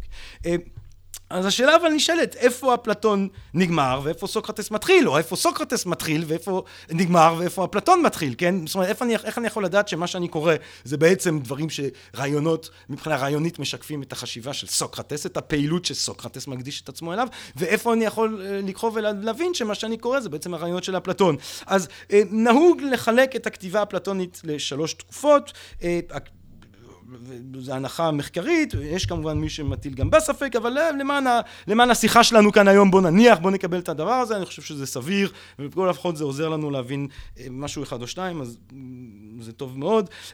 כתבים ראשוניים, האפולוגיה, קריטון, אוטיפרון, פרוטגורס, כן, שהם כתבים קצרים מאוד, כן, שהיוצא דופן פה זה אפולוגיה, כי אפולוגיה זה פשוט נאום, גם הוא קצר, אבל זה נאום שבו סוקרטס נואם ומגן על עצמו במשפט. כל שאר הדברים האלה, קריטון, אוטיפרון, פרוטגורס וכולי, הם שיחות, הם דיאלוגים קצרים. סוקרטס פוגש מישהו, כן, יש לזה תמיד אותו תבנית. סוקרטס פוגש מישהו, כן, הוא פוגש נגיד איזשהו גנרל גדול, שואל אותו, תגיד, תמיד באירוניה, כן, תמיד סוקרטס נורא אירוני, שזה חלק מהקסם והגאונות של אפלטון ביצירת הדמות הזאת, כן, או יש לומר אולי הגאונות של סוקרטס עצמו, אבל גם הגאונות הספרותית, כי בגלל שהוא תמיד אירוני, אתה אף פעם לא יכול למקם אותו. האם הוא רציני במה שהוא אומר, האם הוא, הוא, הוא, הוא כאן, או בעצם הוא, הוא כאילו כאן, אבל בעצם הוא שם. הדבר הזה יוצר איזושהי תנועה, איזושהי חיות, כאילו אתה עדיין, סוקרטס, ככה מסתובב סביבך כשאתה קורא אותו, ולא יכול שלא לזמן גם אותך לשיחה חיה באיזושהי צורה. אבל סוקרטס פוגש איש גדול, נגיד איזשהו מדינאי גדול, ואז הוא אומר, אתה בטח יודע מה זה צדק, אתה המדינאי הגדול. והמדינאי אומר, כמובן שאני יודע מה זה צדק, סוקרטס. ואז סוקרטס אומר, אוי, אלוהים שבשמיים, תודה רבה. כל החיים שלי אני מחכה לדעת מה זה צדק, וסוף סוף אני פוגש מישהו שיודע, תסביר לי, אנא ממך, תסביר לי מה זה צדק. ואז הבן אדם יגיד לו, תראה, צדק זה כשאתה עושה ככה וככה. ואז סוקרטס יגיד, כן, אבל אה, אתה צוחק עליי, נו, זה דוגמה. זה דוגמה, ואני רוצה שתיתן לי הגדרה כדי שאני אוכל לדעת לגבי כל דבר אם הוא צודק ולא צודק, כן? ואז הבן אדם יגיד לו, אתם יודעים, אני זוכר שהייתי באנגליה, יש את הסיפור, יש את המיתוס, המיתוס האורבני הזה, כן? אגדה אורבנית על תלמיד בבגרות, שואלים אותו מה זה אומץ, הוא כותב זה סימן קריאה ומגיש, כן? ואז הוא מקבל מאה. ואני זוכר שהייתי באנגליה ודיברתי עם המורה לפילוסופיה יוונית, וסיפרתי לו את הסיפור הזה, אתה יודע, יש איזו אגדה אורבנית על זה שתלמיד שואלים מבחן, מה זה אומץ, הוא כותב זה, סימן קריאה, מגיש, קיבל מאה. והוא חשב ואומר, yes, right, but that's an example, not a definition. zero, כן? אה, האיש ידע את הסוקרטס שלו. זאת אומרת, אז זה דוגמה, לא הגדרה, תן לי הגדרה, ואז המדינה יגיד, או, אה, צדק זה ככה וככה, והסוקרטס יגיד, כן, אבל אם ההגדרה הזאת נכונה, אז הדבר הזה שהוא צודק באופן מובהק לא נכלל בתוך ההגדרה שלך, והדבר הזה שהוא בלתי צודק באופן ברור, הוא כן נכלל בהגדרה שלך. הבן אדם ייתן עוד הגדרה, שוב סוקרטס יפריך אותה, הוא אולי ייתן עוד איזה הגדרה, שוב סוקרטס יפריך אותה, ואז הוא מוביל אותם לאפוריה, למבוכה, לאי ידיעה. ואז זה נגמר. זאת אומרת, הכתבים הראשונים, כן, חוץ מהאפולוגיה, הם דיאלוגים קצרים, סוקרטס פוגש מישהו, להוא יש איזשהו טיעון לידע, סוקרטס מפריך את הטיעון, אפוריה, נגמר. ואז יש כתבים אמצעיים, פיידו, פיידרוס, המדינה, המשתה. ושם יש תנועה נוספת. סוקרטס קודם כל מוכיח אנשים על טעותם, אבל אז פתאום הוא מתחיל לדבר על רעיונות פוזיטיביים משל עצמו, על תפיסות אה, אה, שלו לגבי האמת או לגבי הטוב, תפיסות שמדברות על הדבר המשונה, המוזר הזה, אה, האידאות, הצורות, המעין מתמטיות, כן? עצם הטוב שהוא בעצם אידאה שחי, שמתקיימת ברובד נצחי, אלמותי, אבסולוטי, אמיתי יותר משאנחנו אמיתיים וכו'. ואנשים אומרים, רק שנייה, לא, מה זה הדבר הזה? מאיפה הדבר הזה פתאום צץ? כן, לפני רגע יש לנו דמות שרק מפרקת טיעוני אה, שווא לידע, ועכשיו יש לנו דמות שגם מכניסה רעיונות מטאפיזיים כבירים כאלה, כן? אז ההנחה היא שברגע הזה אה, אה, אה, אפלטון אה, כבר עברו שנים, הוא הופך להיות איש בוגר, הוא כבר אה, מצמיח מחשבה עצמאית שלו, וגם, ואז הוא פשוט מכניס אותה גם היא לפה של סוקרטס. ואז כבר זה הפילוסופיה האפלטונית, כן? ואולי אפשר לתת דוגמה ממש אה, מוחשית, אנחנו אה, עוד מעט נראה שבאפולוגיה כשסוקרטס יודע שהוא הולך למות הוא אומר טוב המוות זה או שינה ארוכה ללא חלום כן? או עקירה של הנשמה מהמקום הזה למקום אחר, זאת אומרת הוא, הוא אגנוסטי, הוא לא יודע מה זה המוות. אבל מבחינה כרונולוגית, משהו כמו שלוש שבועות אחר כך, בפיידון כאמור, הוא טוען באופן נמרץ, כן, אה, אה, להישארות הנפש. עכשיו מה קרה כאן? האם באמת תוך שלוש שבועות סוקרטס אה, אה, אה, שינה את דעתו? האם אולי זה שהוא עומד מפני המוות גורם לו לפחד ולכן הוא ברגע האחרון כן טוען למען נשארות הנפש משהו שמאוד לא מאפיין את, ה, את, את, את, את, את האיש כפי שאנחנו מכירים אותו לפחות מהאפולוגיה? או וזה הדבר שנדמה שהוא יותר סביר, שאם אומרים על האפולוגיה שזה הדבר הראשון שאפלטון כותב, משהו כמו עשר שנים לאחר המעשה, כן? אז בין זה שהוא כותב את האפולוגיה, לבין זה שהוא כותב את הפיידון, עוברים שנים על גבי שנים על גבי שנים, ואפלטון בינתיים מפתח איזושהי תפיסה שהיא שונה מהתפיסה ש, ש, שסוקרטס מביע אותה, ב, או שהוא מביע אותה בשם סוקרטס באפולוגיה, ולכן אנחנו רואים פה תקופות שונות בכתיבה של אפלטון, ואז אה, אה, אה, תקופה שהיא סוקרטית אם תרצו, הכתבים הראשונים, ותקופה שהיא אה, אה, אה, אה, אפלטונית, כן, אה, הכתבים האמצעיים, ואז הכתבים המאוחרים, שזה עוד סיפור אחר לגמרי, נדמה ששם פתאום אפלטון בעצמו כבר מתחיל להטיל שוב ספק אה, אה, בתפיסה של האידאות של עצמו, יש פה, ובתקופה הזאת אנחנו גם מוצאים כל מיני אה, אה, אה, כתבים שבהם סוקרטס פתאום לא מופיע, כן, אבל טוב. למען השיחה שלנו כאן היום, אנחנו אה, פשוט אה, נניח שבאמת הכתבים הראשונים הראשונים משקפים את סוקרטס ההיסטורי, וסוקרטס ההיסטורי הוא אותה דמות שבאה ואך ורק מפרקת טיעוני שווא לידע. עכשיו, כאמור, יש לזה צורה די דומה. התשאול, זה מתחיל מתשאול, מה שנקרא אלנחוס, הדבר נעשה עם ההומור והאירוניה שמאפיינת את הגאונות הסוקרטית הזאת ומובילה לאפוריה, כן? ואולי דוגמה באמת מצוינת של אותו, של אותו מבנה אם תרצו של אותו אה, אלנחוס ושל הדמות הסוקרטית הזאת זה אוטיפרון. אוטיפרון, אה, דיאלוג קצר מאוד, מומלץ לכולם לקרוא את זה, זה קצר, מה זה, זה 15 עמודים, 20 עמודים, 30 עמודים, מאוד קצר, מאוד אה, גאוני באופן נשגב ומובן ונגיש וכיף. אוטיפרון. אז אוטיפרון מספר לנו סיטואציה שקורית שבוע לפני המשפט, כן? יש איזשהו שימוע ראשון בבית המשפט, שסוקרטס שמוע מואשם, כן, מגיע כדי לראות אם בכלל הדברים יעמדו לכדי משפט, וסוקרטס מגיע, ושם הוא פוגש את אוטיפרון. ואוטיפרון הוא איזה דמות, הוא איזה משהו קצת אורן זריף, קצת אולי הרב ברלנד, משהו קצת אה, אולי אה, אה, רנטגני, כן, הוא, הוא זה דמות ש... ש... תופס, לא, לא בקטע רע, אני לא בקטע רע, אני לא אומר בקטע רע, אבל הוא איזה דמות שתופס את עצמו כרואה, כמבין בקדושה, כמבין בדת, כן? והוא קצת לועגים לו, יש מי שלועג לו, אבל הוא תופס את עצמו כאחד שמבין דת, מהי קדושה, מהי טהרה, מהי, כן, הוא יודע את הדברים האלה. ותפרון פוגש את סוקרטס ושואל את סוקרטס, תגיד סוקרטס, מה אתה עושה כאן? מה אתה עושה בבית המשפט כאן שבוע לפני? וסוקרטס אומר, תקשיב, הצעירים הפושטקים האלה, ההוא עם האף הגדול שלו, מלטוס, כן, החליטו שאני uh, כופר, הם החליטו שאני לא מאמין באלים המקומיים, החליטו שאני מקלקל את הנוער, אתה יודע, הצעירים של היום, כן, ש... ומביאים משפט נגד uh, הזקנים, מה, ככה זה וזה. טוב, הוא משועשע, ואז שואל, תגיד לו, תבחון, ומה מה, מה אתה עושה פה, חברי היקר, אישי, אישי הטוב, מה אתה עושה כאן, תבחון? ותבחון אומר, תראה, תקשיב לסיפור הזה. אני כן, אנחנו במאה החמישית לפני הספירה, כן, באתונה הקלאסית יש עבדות, הוא אומר, באחוזה של, של אבי, כן, יש עבד, עבד כעס, כן, עבד נכנס לזה התקף זעם, הרג, רצח, כן, משרת אחר, רצח עבד אחר, אבא שלי תפסו, כן, הורה לזה שתפסו את העבד הרוצח, כבלו אותו, זרקו אותו לאיזה בור, שלחו שליח, שלחו שליח לאתונה במקדש לברר מה יש לעשות, איך יש לנהוג עם העבד הרוצח. התנהלות שבתוך המציאות של אה, אתונה במאה החמישית לפני הספירה נראית סבירה לחלוטין. אבל עד שהוא יצא, עד שהשליח הגיע, עד שהוא שאל, עד שהוא חזר, בינתיים האומלל ההוא בבור, גשם, קר, יום, לילה, שמש, זה, שכחו ממנו, הוא מת. ואומר אותי פחון, אני באתי לכאן היום כדי לתבוע את האבא שלי ברצח.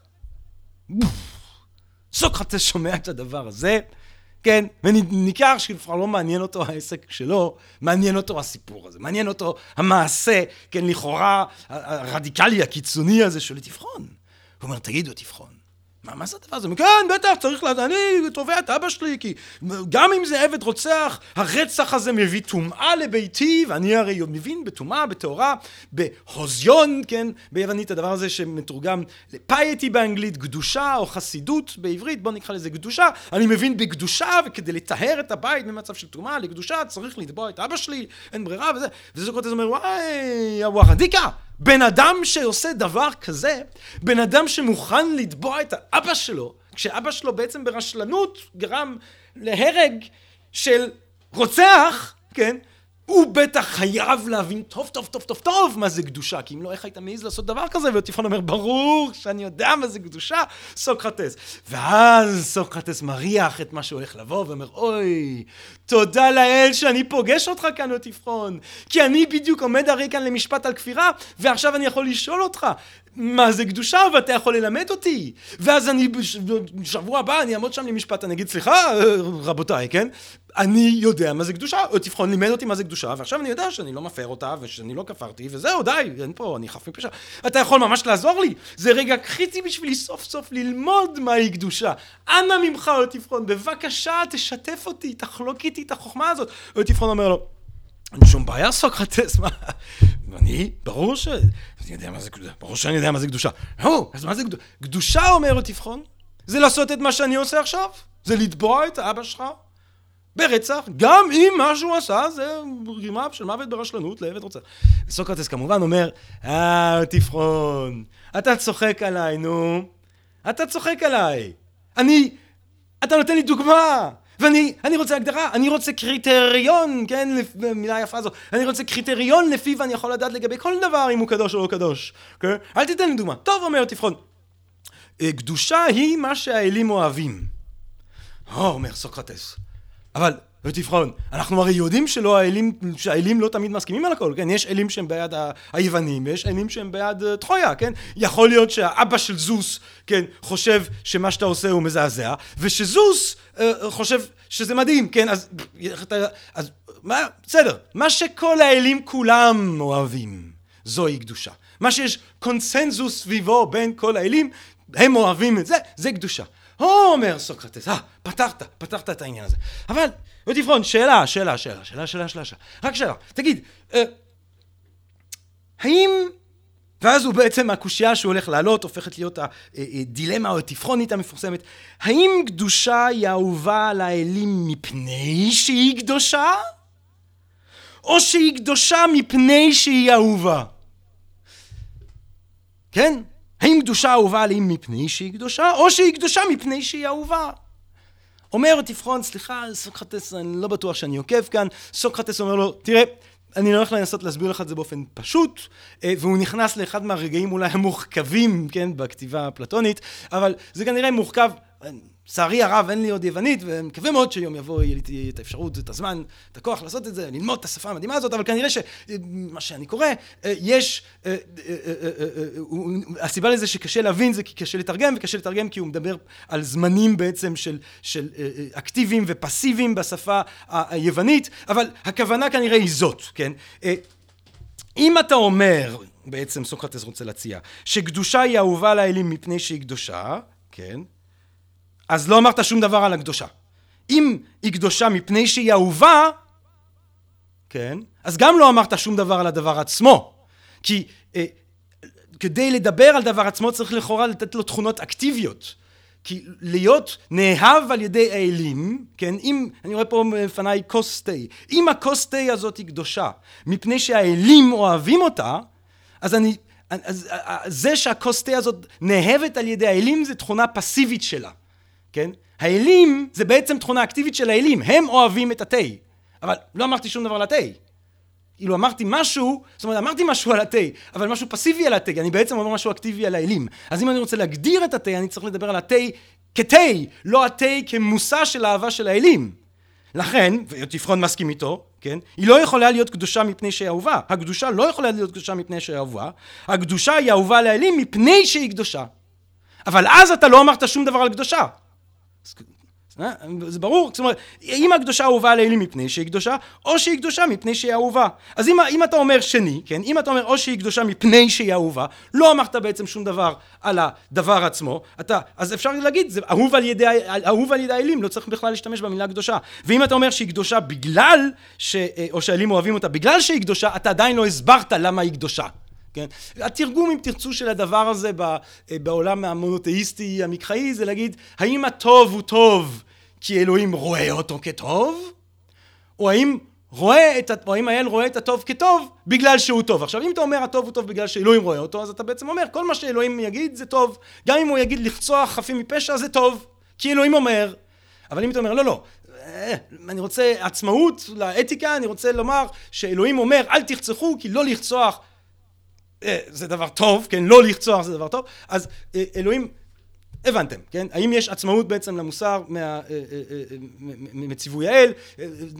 דילמה שאפשר לחשוב אותה בהקשר המקראי שלנו. אבל פה בעצם תבחון נאלץ להודות שלא ייתכן שהקדושה היא קדושה מפני שהיא אהובה ושהקדושה אהובה על האלים מפני שהיא קדושה אבל אז אנחנו יודעים שהאלים אוהבים אותה אולי אנחנו עדיין לא הבנו למה אנחנו עדיין לא יודעים כלום על קדושה מהי אז ותפרון נאלץ בעצם לתת אה, הסבר אחר, וההסבר שהוא נותן זה כזה דבר, הוא אומר, תקשיב סוקרטס, בסדר, בסדר, בסדר. הקדושה היא המרכיב או היא החלק של הצדק שמתייחס אה, אה, ליחס שלנו לאלים. וזה דווקא רעיון שכנראה סוקרטס מעריך, כן? יש איזו תחושה שאם היית נותן לו עוד זמן לפתח את השיחה, הוא היה נשאר במקום הזה וממשיך שם לחפור ולבדוק את הרעיון הזה, זה כנראה רעיון שהוא יחסית מחבב, אבל מאוד מהר הוא יוביל אותנו ושוב ברוח של קסנופון, ברוח האנטי אנתרופומורפית, הוא אה, תפרון מתלהב, הוא אומר תראה זה כמו שיש סחר בין בני אדם ואז יש צדק, כן, אתה משלם 20 שקל, אתה מקבל את מה שהבטחתי שאני אביא לך תמורת ה-20 שקל, יש צדק, יש זה, אז ככה גם בסחר בין בני אדם לבין האלים יש צדק ולדבר הזה קוראים קדושה. ואז אתה רוצה להגיד אבל איזה סוג של שיג ושיח, איזה סוג של סחר שכזה יכול להיות בין אדם לבין האל? הרי האל הוא מושלם ודבר מושלם לא צריך שום דבר, מה האל צריך מאיתנו? מה האל צריך ממני? כן? אז לא יכול להיות שיש אותו סוג של דבר בין בני אדם לבין, מש, לבין דבר שיכול לקרות בין בן אדם לבין אל, כן? ואז הוא תבחון נאלץ להגיד וואי כן צודק טוב אתה יודע סוקרטס קדושה היא מה שאהוב על האלים אבל סוקרטס אומר לפני עשרים דקות היינו שם ואמרנו שזה לא עובד ההגדרה הזאת תבחון נו תעזור לי אתה הבטחת שתסביר לי מה זה קדושה ובשלב הזה אוטיפרון כבר לא יכול, זה שלב הפוריה, כן? ואוטיפרון אומר לו, אוי, סוקרטס, מת לעזור לך, מת לעזור לך, חייב לעוף, אוי, אוי, מאוחר, חייב לרוץ, שט, הולך, בורח, כן? ואיפה שזה נגמר, סוקרטס, אוטיפרון, סוקרטס, מדמיין אותו, אומר, אוטיפרון, נו, אתה אמרת שאתה, אוטיפרון, נו, אה, בום, נגמר באפוריה. אז זו דוגמה מצוינת אה, אה, אה, לכתבים הראשונים, כן? לדיאלוג קצר, אוטיפרון בא עם איזושהי הצעה או עם איזושהי אשליה שהוא יודע משהו, הוא מדבר עם סוקרטס, סוקרטס ככה מנענע אותו קצת בתשאול שלו ובסופו של דבר מסתבר שאוטיפרון חשב שהוא ידע משהו שבעצם הוא לא יודע. אה, והרגע הזה של הפוריה הוא כמובן רגע קריטי.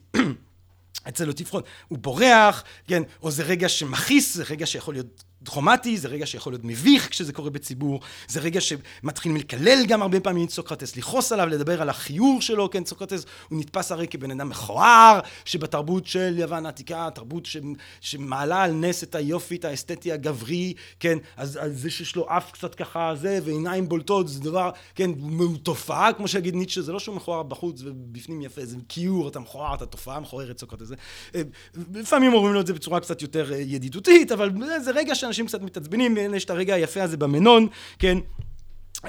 עוד דיאלוג יפהפה שמתחיל עם שאלת הסגולה הטובה שזה בעצם תמיד סוקרטס, התשאול לסוקרטס תמיד מכוון לשאלה הזאת. מהי הסגולה הטובה, המידה הטובה, כן, המצוינות האנושית, virtue באנגלית או ביוונית כמובן ארטה, הביטוי היפה הזה ארטה, כן, תמיד אנחנו מחפשים בעצם את השאלה הזאת, מהו הארטה ובמנון השאלה הראשונית זה איך נקנית הסגולה הטובה, כן, האם הסגולה הטובה נקנית בלמידה, כן, כמו שאתה לומד מתמטיקה, האם באימון, כמו שאתה מתאמן על פסנתר, האם זה מתנת האל, כן, כמו כישרון, איזשהו כישרון, לא יודע, כישרון השירה של, של מישהו, של, שלא, פשוט מתנת האל, או דרך אחרת. סוקרטס כמובן יגיד לבנון טוב, כדי לענות על השאלה הזאת אני קודם כל צריך שתגדיר לי מה זה אה, סגולה טובה. בנון אומר אין שום בעיה, מגדיר, מפריך, סוקרטס מפריך, מגדיר שוב, סוקרטס מפריך, אה, מגיעים לאפוריה. ואז סוקרטס אומר, אם כן, השב נא עוד פעם מבראשית, מהי הסגולה הטובה לדבריך ולדברי חבריך? מנון, סוקרטס, אכן שמעתי גם לפני שפגשתיך, שאינך אלא אובד עצה בעצמך, ומביא גם זולתך לידי אובדן עצה. ועכשיו נדמה לי שאתה מכניע אותי ממש בכישוף ובקסם ובלחשים, עד שאובד אני עצה לחלוטין, ואם יש מקום גם להלצה.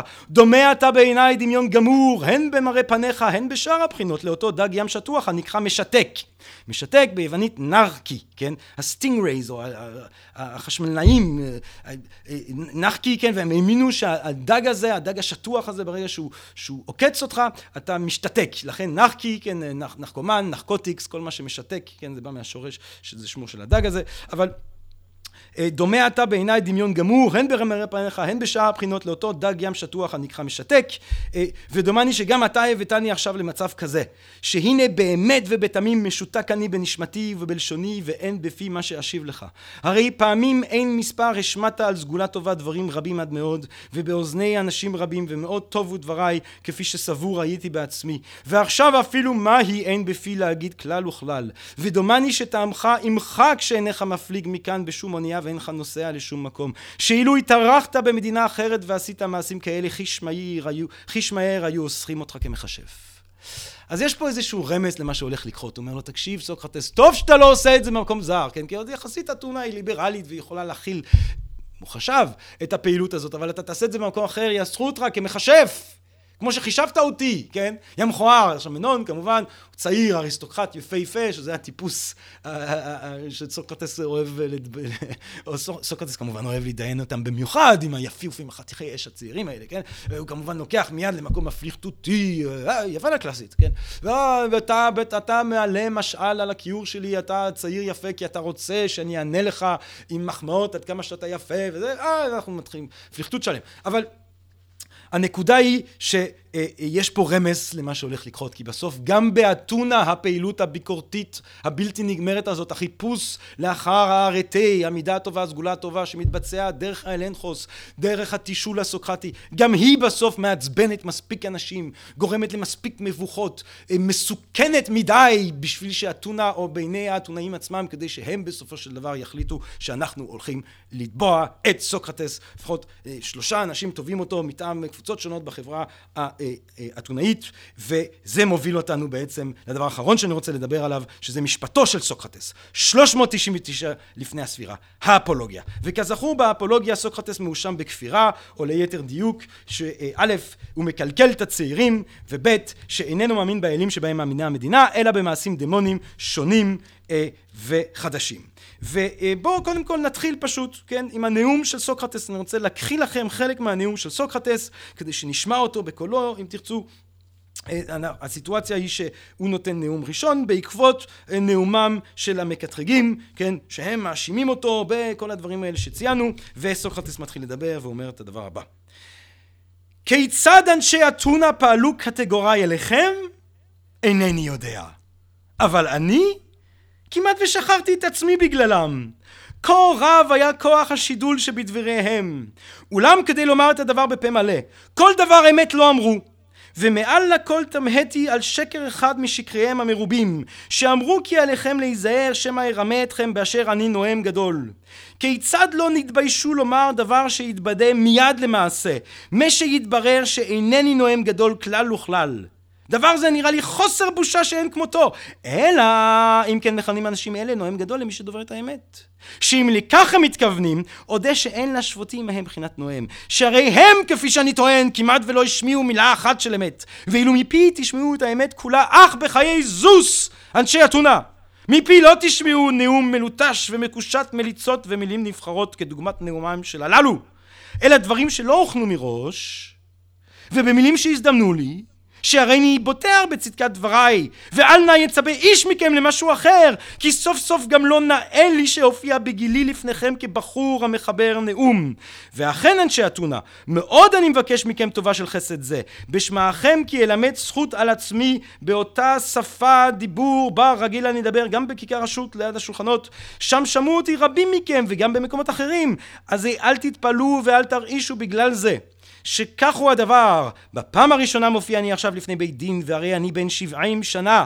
כזר אני אפוא לסגנון הדיבור הנהוג כאן.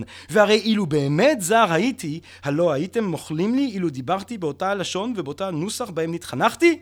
וכן מבקש אני גם עכשיו בקשה זו וכמדומני בצדק לבל תשימו לב לנוסח דיבוריי אפשר והוא גרוע יותר אפשר טוב יותר אולם עיינו רק בזה ורק על כך תנו דעתכם אם צודקים דבריי או לא כי זאת סגולתו הטובה של השופט, ושל הנואם לומר את האמת. כן? אז ככה בעצם סוקרטס פותח את האפולוגיה שלו. עכשיו שימו לב, אפולוגיה זה מזכיר לנו אפולוגי באנגלית, אבל זה לא אותו מונח, כן? אפולוגיה ביוונית זה באמת הגנה בפני המשפט. הדבר האחרון, כמו שאנחנו נראה בעוד רגע שסוקרטס עושה כאן, זה להתנצל. אבל שימו לב, איך הוא מתחיל? איך הנאום של הילדים, של הפושטקים האלה, חביבים, נחמדים, חתיכים, כן? איך שהנאום של, שלהם השפיע עליכם? אני לא יודע, אבל עליי? וואו, איזה רושם זה עשה. אני כבר לא יודע מי אני, כן? כמובן שהוא אירוני לחלוטין. מה, סוקרטס לא יודע מי הוא? או לכל לפחות סוקרטס יודע פחות מי הוא מהצעירים האלה? סוקרטס שהקדיש את חייו לחקירה בלתי נדלית, לחקירה אינסופית, לא יודע מי הוא, או סליחה, יודע את עצמו פחות טוב מהם?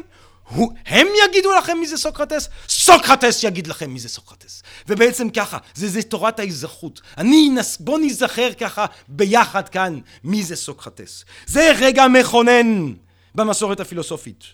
כי הגנתו היא הגנה על עצמו כדמות, על עצמו כאיש, על פעילות מסוימת, על מאמץ מסוים. כן? זאת אומרת שהוא הולך להסביר מי זה סוקרטס, הוא הולך להסביר מה סוקרטס עשה ולמה וכשהוא מסביר מה הוא עשה אז הוא הולך בעצם להגדיר את הפילוסופיה הוא הולך לאפיין את הפילוסופיה כן? הוא, זה בעצם מוביל אותנו לשאלה מהי פילוסופיה ולמה זה דבר חשוב שזה בעצם הנושא שלנו היום נכון? מאיפה זה בא הפילוסופיה ובדרך שבה סוקרטס ידע לאפיין את הפעילות שהוא מוכן למות למענה במשפט שלו הדרך הזאת היא כל כך גאונית, היא כל כך מבריקה, שהיא בעצם, אפשר לומר, אה, מכוננת את המסורת אה, אה, הפילוסופית הערבית. עכשיו, ואיך הדבר הזה קורה, ואוף, אני כבר קצת יותר ארוך מבדרך כלל, אבל אני אקח עוד כמה דקות כדי לסיים את המהלך בקצרה ממש. סוקרטס מתחיל ואומר, תראו, לפני שאני מגן על עצמי בפני הקטגורים החדשים ובפני ההאשמות החדשות, אני צריך קודם כל להגן על עצמי משמועות שנפוצו עליי באתונה, כן? יש שמועות בעיר הזאת שהן שמועות שכבר קיימות המון זמן ומהשמועות אה, אה, אה, האלה אני צריך להגן על עצמי, כן? והשמועות האלה הם בעצם אפשר לחלק אותן לשתי קטגוריות ראשיות, כן? אומר סוקרטס א', אומרים עליי שאני חושב על אשר בשמיים וחוקר את כל אשר מתחת לאדמה. כלומר אם תרצו חוקר טבע, כן? עם נטיות, ובאמת עם נטיות ככה אתאיסטיות אם תרצו כמו שיש אצל אולי טאלס, אנקסימנדר, אנקסגורס חלק מהאנשים האלה לפחות, כן, אה, היה להם נטיות אה, אה, נטורליסטיות כאלה, שאפשר אולי לראות בהם סוג של כפירה וזה, אבל סוקרטס אומר, הגידו איפה איש לרעהו, אם יש בהם מי ששמע אותי בזמן מן הזמנים משוחח בעניינים כאלה, כן? זאת, אלה הם לא השאלות שאני שואל, אומר סוקרטס. עכשיו, שימו לב עד כמה שהדבר הזה גאוני. גאוני ומכונן בעצם את הפילוסופיה כדיסציפלינה. כי מה בעצם סוקרטס אומר כאן? סוקרטס אומר, לפני שיש לו את המילים לעשות את זה, אני לא מדען.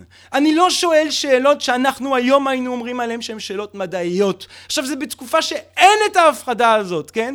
השאלה של טאלס היא גם שאלה פילוסופית, היא גם שאלה מדעית, כן? מהו הארכה, מהו הכל, מים, הפיירון, כן? הן שאלות שהיום הן שאלות שהאסטרופיזיקה עוסקת בהן. נכון? הם היום שאלות מדעיות. בכלל, ההפחדה הברורה הזאת בין פילוסופיה למדע זה דבר ממש מאוחר יחסית, כן? בסוף המאה ה-18 אולי מתחילים לחלק את, הפ... את, ה... את האוניברסיטה המודרנית לפקולטות, ואז אומרים, טוב, זה כימיה, וזה ביולוגיה, וזה אנתרופולוגיה, וזה פילוסופיה, ואז יש סוציולוגיה, ופסיכולוגיה, וכלכלה, ויש כל מיני תחומים, פילוסופיה הוא תחום נפרד, כן? ניוטון שמפרסם uh, בסוף המאה ה-17 את פילוסופיה נטורליס פרינקיפיה מתמטיקה, כן?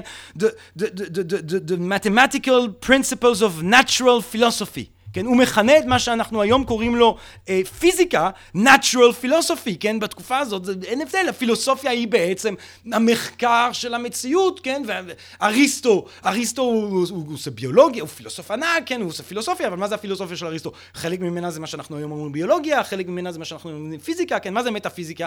הספר שבא אחרי הספר שקוראים לו פיזיקה, קוראים לו מטאפיזיקה, הספר שבא אחרי, בסדרת ספרים שלי, אני יודע מה, הספר שבא אחרי הוא המטאפיזיקה. זאת אומרת, אין פער, אין הבדל אצל ההוגים בתרבות המערבית בין מדע, כן, לבין פילוסופיה. אין את ההבדלה הברורה הזאת שהיא קיימת היום. אבל סוקרטס יודע לעשות אותה כבר ב-399 לפני הספירה. הוא יודע להגיד, השאלה שלי, גבירותיי ורבותיי, השאלה שלי היא שאלה מוסרית, היא שאלה הטוב, אני שואל את שאלת הטוב, ושאלת הטוב למיטב הבנתי נשארת עד היום, ובעתיד הנראה לעין, אם לא בכלל, שאלה המהותית של הפילוסופיה, היא השאלה שמבדילה את הפילוסופיה כתחום דעת, כן, מה ההבדל אם אתה הולך לאוניברסיטה ואתה לוקח קורס במדעי המדינה אתה לומד על סוגי ממשל. יש דמוקרטיה, יש דמוקרטיה סוציאלית, יש מדינת רווחה, יש אה, דמוקרטיה קפיטליסטית, יש אולי זה אוליגרכיה, אולי זה פלוטכיה, כן, יש רפובליקת בננות, כן, אולי אנחנו נלמד מה זה עוד מעט, אני יודע מה, יש כל מיני סוגים שונים של ממשל, כן, אבל בפילוסופיה פוליטית אתה חייב גם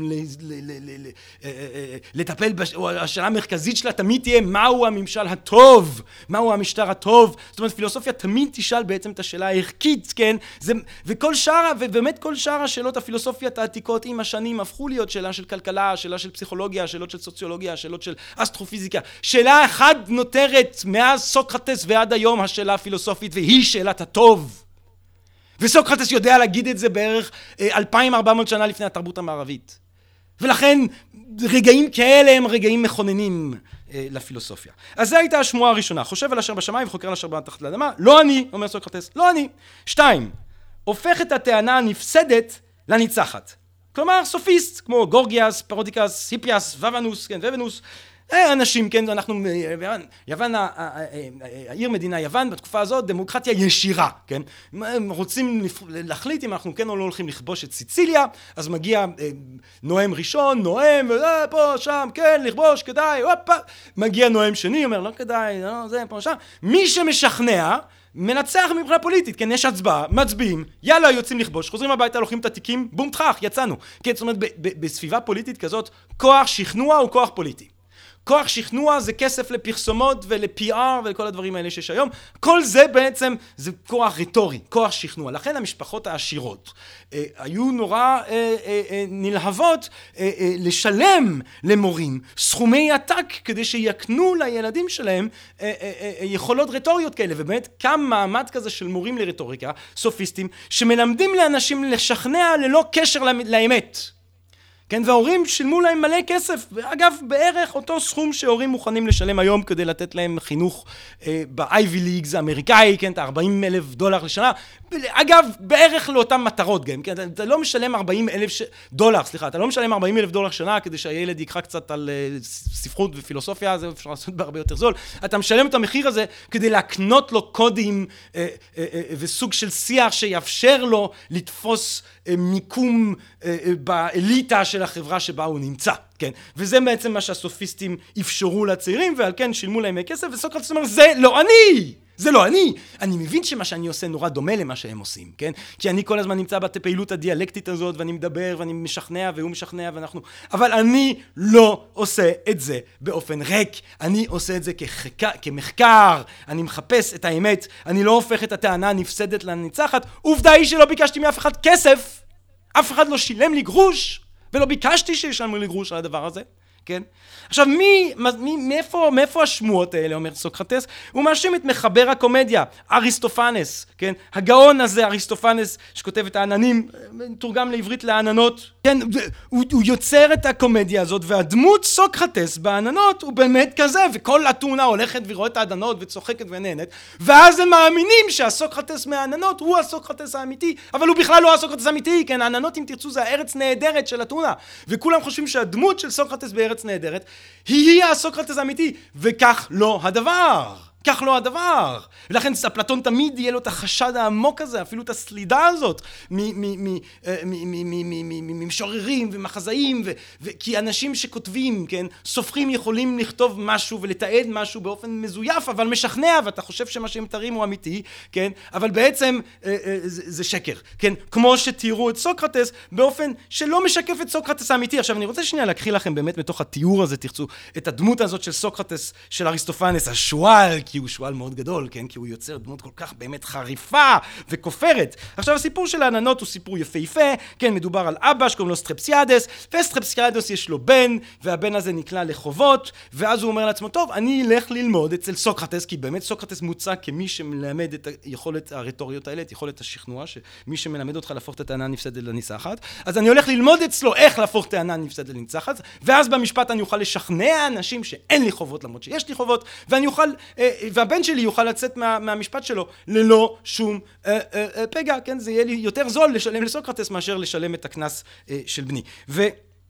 סוקרטס, ולכן שולחים אותו ל-thinkery, תרגמו את זה לאנגלית, מפעל למחשבה, בית חרושת למחשבה שיש לסוקרטס, ופוגשים את סוקרטס כשהוא, כשהוא נמצא על דאוס אקס מכינה, כן, הוא נמצא אה, אה, אה, גבוה כזה על איזשהו קונסטרוקט שהיה שם ב, ב, ב, ב, ב, בתיאטרון, כן, והוא בוחן את העננים, כן, אז יש לנו בדיוק את השילוב הזה של דמות שהוא בוחן את העננים, וסופיסט שמלמד איך לשכנע. אבל שימו לב עד כמה חריף זה הולך. אני הולך להקריא לכם עכשיו חלק, אה, דיאלוג בין סטרפסיאדס, אה, כמובן שבאמת, כמו שבשמועה, השמועה רצה ומשתקפת גם במשפט, כי בסוף הילד הזה כמובן נהרס, כן, והוא שורף את בית מפעל המחשבה של סוקרטס, מרביץ לאבא שלו, ואיזה צחוקים ודחקות והכל נורא יפה.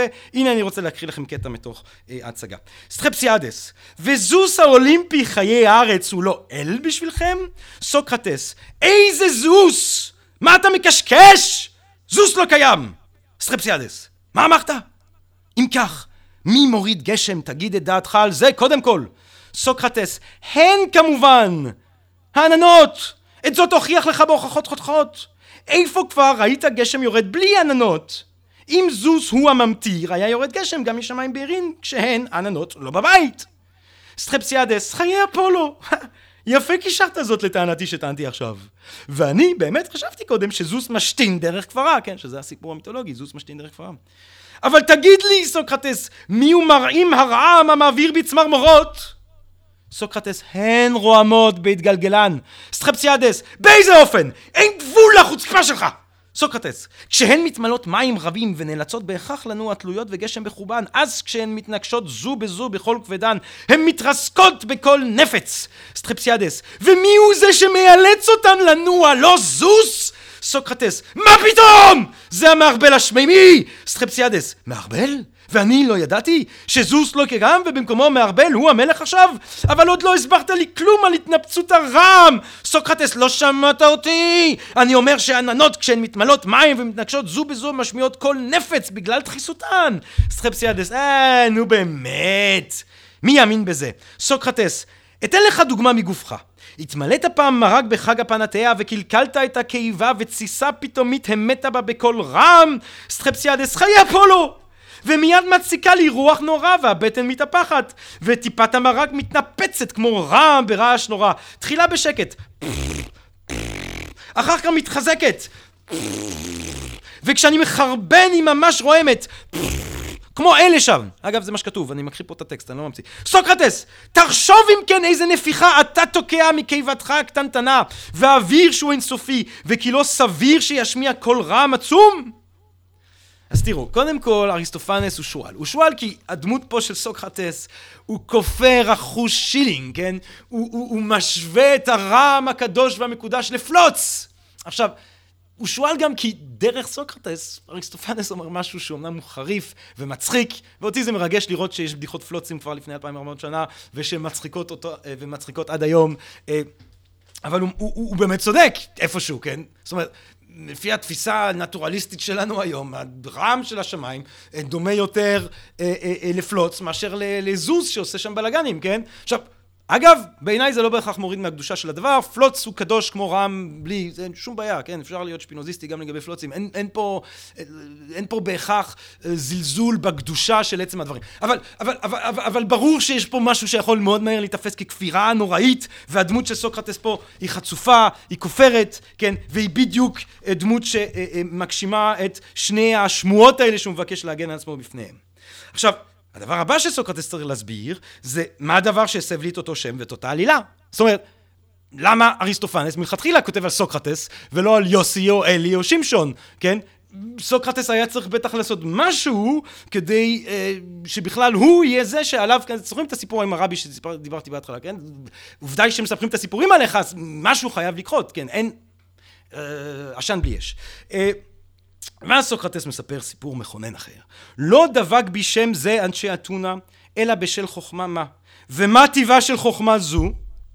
ואז הוא מספר את הסיפור המפורסם על הפיתיה, האורקל בדלפי, כן? האורקל בדלפי, אנחנו מדברים על, אה, בדלפי יש מקדש לאפולו שקיים כנראה מהמאה השמינית לפני הספירה, ובמקדש שם, בפאתי המקדש יש איזשהו בור באדמה שממנו יוצאים הדים, והיו מושיבים איזה, איזה נזירה על כיסא עם שלוש רגליים מעל, מעל אותו חריץ באדמה, שממנו היו עולים הדים שהיו ממסטלים אותה, והיא הייתה נכנסת לאיזה אקסטזה, הייתה מוציאה צלילים, והיה מי שיושב ליד זה ומתרגם, וזו הייתה הנבואה, אה, זו הייתה הנבואה של אפולו. עכשיו תראו, אה, גם אם, או שיכול להיות שבאמת אפולו התנבא שם, כן, או גם יכול להיות שזה מקדש שכולם מגיעים אליו, מגיעים אליו מכל ערי המדינה השונות, זה אחד מהמוסדות האלה שמאחדים את כל המדינות, אה, אה, ערי מדינה השונות של אה, אתונה הקלאסית, מגיעים מפרס, מגיעים ממצרים, זאת אומרת זה, זה, זה מרכז מידע, כן, בעידן שלפני האינטרנט, הטלוויזיה, הפקס, אמצעי התקשורת, כן, מקום כזה שכולם מגיעים אליו הוא מקום שמרכז המון מידע, לכן אם אני הולך לכבוש איזה מדינה, או אם אני, יש לי תוכניות פוליטיות כאלה אחרות,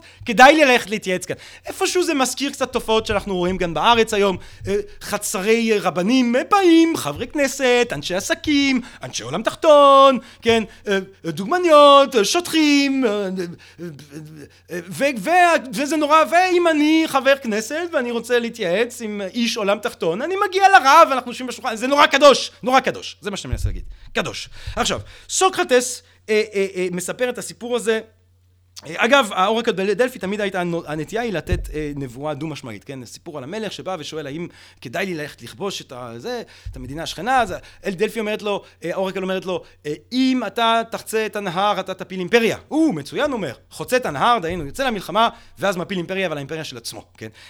אז סוקרטס מספר במשפט על חירפון, וחירפון הוא איש שהדמוקרטים האתונאים, כן, כל אזרחי אתונה הם בעצם הרי הדיינים, ו, או 500 מהם הם הדיינים, ו, והם כולם מעריכים נורא את חירפון, שהוא נורא מזוהה עם הדמוקרטים, מזוהה עם, ה, עם ההמון הנוכח שם במשפט, ו, וכולם יסמכו עליו, וחירפון מגיע לאורקת בללפי ושואל אותה, האם יש חכם מסוקרטס? והפיתיה, האורקל, השיבה את דבר האל שאין חכם ממני, כן? אז א', שימו לב שגם פה זה יכול להיות דו-משמעי, אין חכם ממני, זה יכול להיות או סוקרטס הכי חכם, או כולכם טיפשים באותה מידה. לכן סוקרטס לא חכם, כי אף אחד לא יותר חכם, כי כולכם טיפשים באותה מידה. סוקרטס כמובן הולך, או לא כמובן, אבל סוקרטס הולך כאן על הפרשנות הפוזיטיבית, והוא רואה בזה בעצם אמירה של האל שהוא הכי חכם. עכשיו, תראו את התגובה של סוקרטס. כי הוא קודם כל שימו לב לאירוניה, כן? הוא במשפט על כפירה ואומר, רבותיי, האל שלנו, כן? אומר עליי, כן? שאני הכי חכם. עכשיו, הוא לא משקר, אתם לא תגידו שהוא משקר, כי זה יהיה כפירה, ואף אחד פה לא רוצה להיות כופר, נכון? כן? אבל תראו את התגובה של סוקרטס, הוא מופתע. מה כוונת האל? מה פתרון חידתו? הלא במידה שידוע לי, אינני חכם, לא בדבר גדול ולא בדבר קטן? מהי איפה כוונתו באומרו שאני חכם ביותר? שהרי ודאי איננו משקר, כי אין זה מן הדין שלו. זאת אומרת, סוקרטס, א', זה מה שהוא אומר, שימו לב, הוא אומר, הלא במידה שידוע לי אינני חכם לא בדבר גדול ולא בדבר קטן. זאת אומרת, תמיד אומרים סוקרטס אומר, הדבר היחידי שאני יודע זה שאני לא יודע. הוא לא אומר את זה ככה, זה סתירה, כן? לדעת שאתה לא יודע זה לדעת משהו, וזה לכן משפט שיש בו איזושהי סתירה פנימית. סוקרטס לא אומר את זה. סוקרטס אומר, הלא במידה שידוע לי אינני חכם לא בדבר גדול ולא בדבר קטן. אז מה יכולה להיות כוונתו באומרו שאני חכם ביותר? מה קורה כאן? ואז אומר סוקרטס, הדבר הזה נראה לי משונה. הדבר הזה נראה לי משונה. ואז הוא יוצא והוא בוחן את הדבר. והוא בהתחלה הולך והוא ניגש, לכן הוא אומר אני מתשל אתכם כי אני רוצה לבדוק את הסיפור הזה. ובהתחלה הוא אומר, נכון, קוראים לזה המסע הדלפי, מתחיל המסע הדלפי לכאורה, והוא מגיע למדינאים והוא שואל את המדינאים, בטח הנמצא המדינאי, כן, הם תמיד הרי יודעים את הכל, מבינים בכלכלה ובדיפלומטיה ובהיסטוריה, הכל הם יודעים, הפוליטיקאים, הכל. אני אשאל אותם, ובטח הנמצא אחד מהם שיודע משהו שאני לא יודע, משהו חשוב, כמו מה זה צדק ומה זה מידה טובה, ואז אני אחזור לאפולו, אני אגיד סליחה, אפולו, אה, אתה אמרת שאני הכי חכם, אבל הנה, פגשתי פה את אליהו, ומסתבר שאליהו יודע מה זה צדק, ואני לא ידעתי, אז אליהו יותר חכם ממני, אז למה, מה, מה קרה כאן? אה, אז הוא הולך למדינאים, ומה מסתבר לו? שהמדינאים אמנם טוענים שהם יודעים, אבל הם לא יודעים. ואז הוא אומר, טוב, אני אלך למשוררים, ומה מסתבר לו? שהמשוררים אפילו לא מבינים את מה שהם בעצמם כותבים. ואז הוא הולך לבעלי המלאכה. הוא הולך לתשאל אותם ולבחון אותם, ומה הוא מגלה אצל בעלי המלאכה? שבגלל שבעלי מלאכה יודעים דבר אחד ממש טוב, נגיד איך ליצור נעליים, כן? הם חושבים שהם יודעים את כל הדברים, כן? אני יודע איך להקים כמה בניינים בניו יורק, לכן אני גם יודע איך לשלוט על העולם. אבל זה לא נכון, אומר סוקרטס. זה לא נכון. ולכן בסוף הוא מגיע למסקנה שכנראה שכוונת האל הוא שהחוכמה, העליונות של החוכמה של סוקרטס הוא לפחות שהוא לא חי באשליה שהוא יודע את מה שאינו יודע, כן? עכשיו אבל אני רוצה לחזור לתגובה של סוקרטס. מהי התגובה של סוקרטס? סוקרטס שומע נבואה מאלוהים, מאפולו. הדבר הראשון שהוא עושה זה הוא בוחן את דבר האל. הוא חוקר את האל. זאת אומרת שמבחינת סוקרטס, הקריטריון העליון לדעת אם הדבר אמיתי או לא, זה לא כי האל אמר, זה אני, עם התבונה שלי, האנושות שלי, הולך לבדוק את זה. שימו לב להבדל פה עם אברהם אבינו, כן? אם סוקרטס הוא האבא של הפילוסופיה, אברהם הוא האבא של הדת בתרבות שלנו, כן? של האבא של המונותאיזם. כשאלוהים אומר לאברהם, תרצח, תשחט את הבן שלך אברהם. מה אברהם עושה? מיד הוא מציית, נכון? הוא מציית. גם את האישה אתה רוצה? כן, יש פה ציות. זאת אומרת, אה, אה, תראו את ההבדל, תראו את הפער, אברהם לא אומר שנייה, הופ, הופ, הופ, הופ, אני צריך לבדוק את זה, אני אבחון את זה, אם באמת זה אלוהים, אולי אלוהים רוצה בכלל שאני אגיד לו שילך לחפש את עצמו, אולי זה המבחן, אולי... לא, לא, אתה מציית. עכשיו, אני יודע, המקרא הוא ספר, הוא ספרייה של ספרים, ויש בו המון דברים, ויש חקירה, ואתה לצפק ביהדות, אני לא רוצה להיות פה מהותי, אני כן עושה בצורה קריקטורית משהו כאן, איזשהו סוג של מתח אני רוצה להציע בין, באופן עמוק, בין תפיסה דתית לבין התפיסה הפילוסופית. אני חושב שהמתח הזה כן קיים, אחר כך הסיפור נהיה כמובן הרבה יותר מורכב כשהמסורות האלה יפגשו ויהיו כל מיני יצורים היברידיים. אבל ואני יודע מה, הפרק לפני אלוהים כן מוכן להתווכח עם, אה, אה, אברהם כן מוכן להתווכח עם אלוהים כשמדובר על סדום ולבקש ממנו לחסוך את סדום גם אם יש חמישים, ארבעים, שלושים, עשרים, עשרה צדיקים וכו'. אבל כן יש פה איזשהו אתוס של נעשה ונשמע. יש פה אתוס של ציות. מה זה נעשה ונשמע? קודם אנחנו נבצע, נקיים, נעשה, ואז נשמע, ואז נחשוב אם בכלל. אבל תראו את סוקרטס. סוקרטס לא שומע לך תרצח את הבן שלך, סוקרטס שומע אתה הכי חכם. ומה הוא עושה? הופ, הופ, הופ, הופ, הופ, הופ, הופ, לא מקובל עליי, לא מקבל את זה. קודם אני בודק את זה עם התבונה שלי. קודם אני בודק את זה עם התבונה שלי, ובזה הוא ממשיך את טאלס ואת אנקסימנדר ואת ה, את האנשים האלה שהציבו את התבונה האנושית כקריטריון להחליט שיפוטים של אמת, של מוסר, של, של, של, של, של חיים, כן? התבונה האנושית כאן מקבלת את התפקיד הזה שמאפיין את החשיבה הפילוסופית. עכשיו, אני חייב לסיים, אני כבר אה, ממשיך יתר למידה, אה, בהזדמנות אה, אני אולי אדבר יותר על המשך הטיעונים שלו היפהפיים, באיזשהו שלב הוא מביא את מלטוס לאלנחוס כדי להוכיח לו שזה לא הגיוני לחשוב שהוא באמת מקלקל את הנוער, ואז יש לו כל מיני טיעונים יפים על אמונה באל, שבהם אני לא יכול להיכנס לזה לצערי, אני חושב ש... אבל, אני אשמח לדבר על זה שוב פעם בהזדמנות אחרת, אם ובעזרת השם היא תבוא, אבל מה שחשוב פה זה, אני רוצה להדגיש את הרוח החקרנית הזאת, את רוח החקירה הזאת, כי אני חושב שזה רוח החקירה הזאת שהופך גם בין השאר את סוקרטס למכונן הפילוסופיה.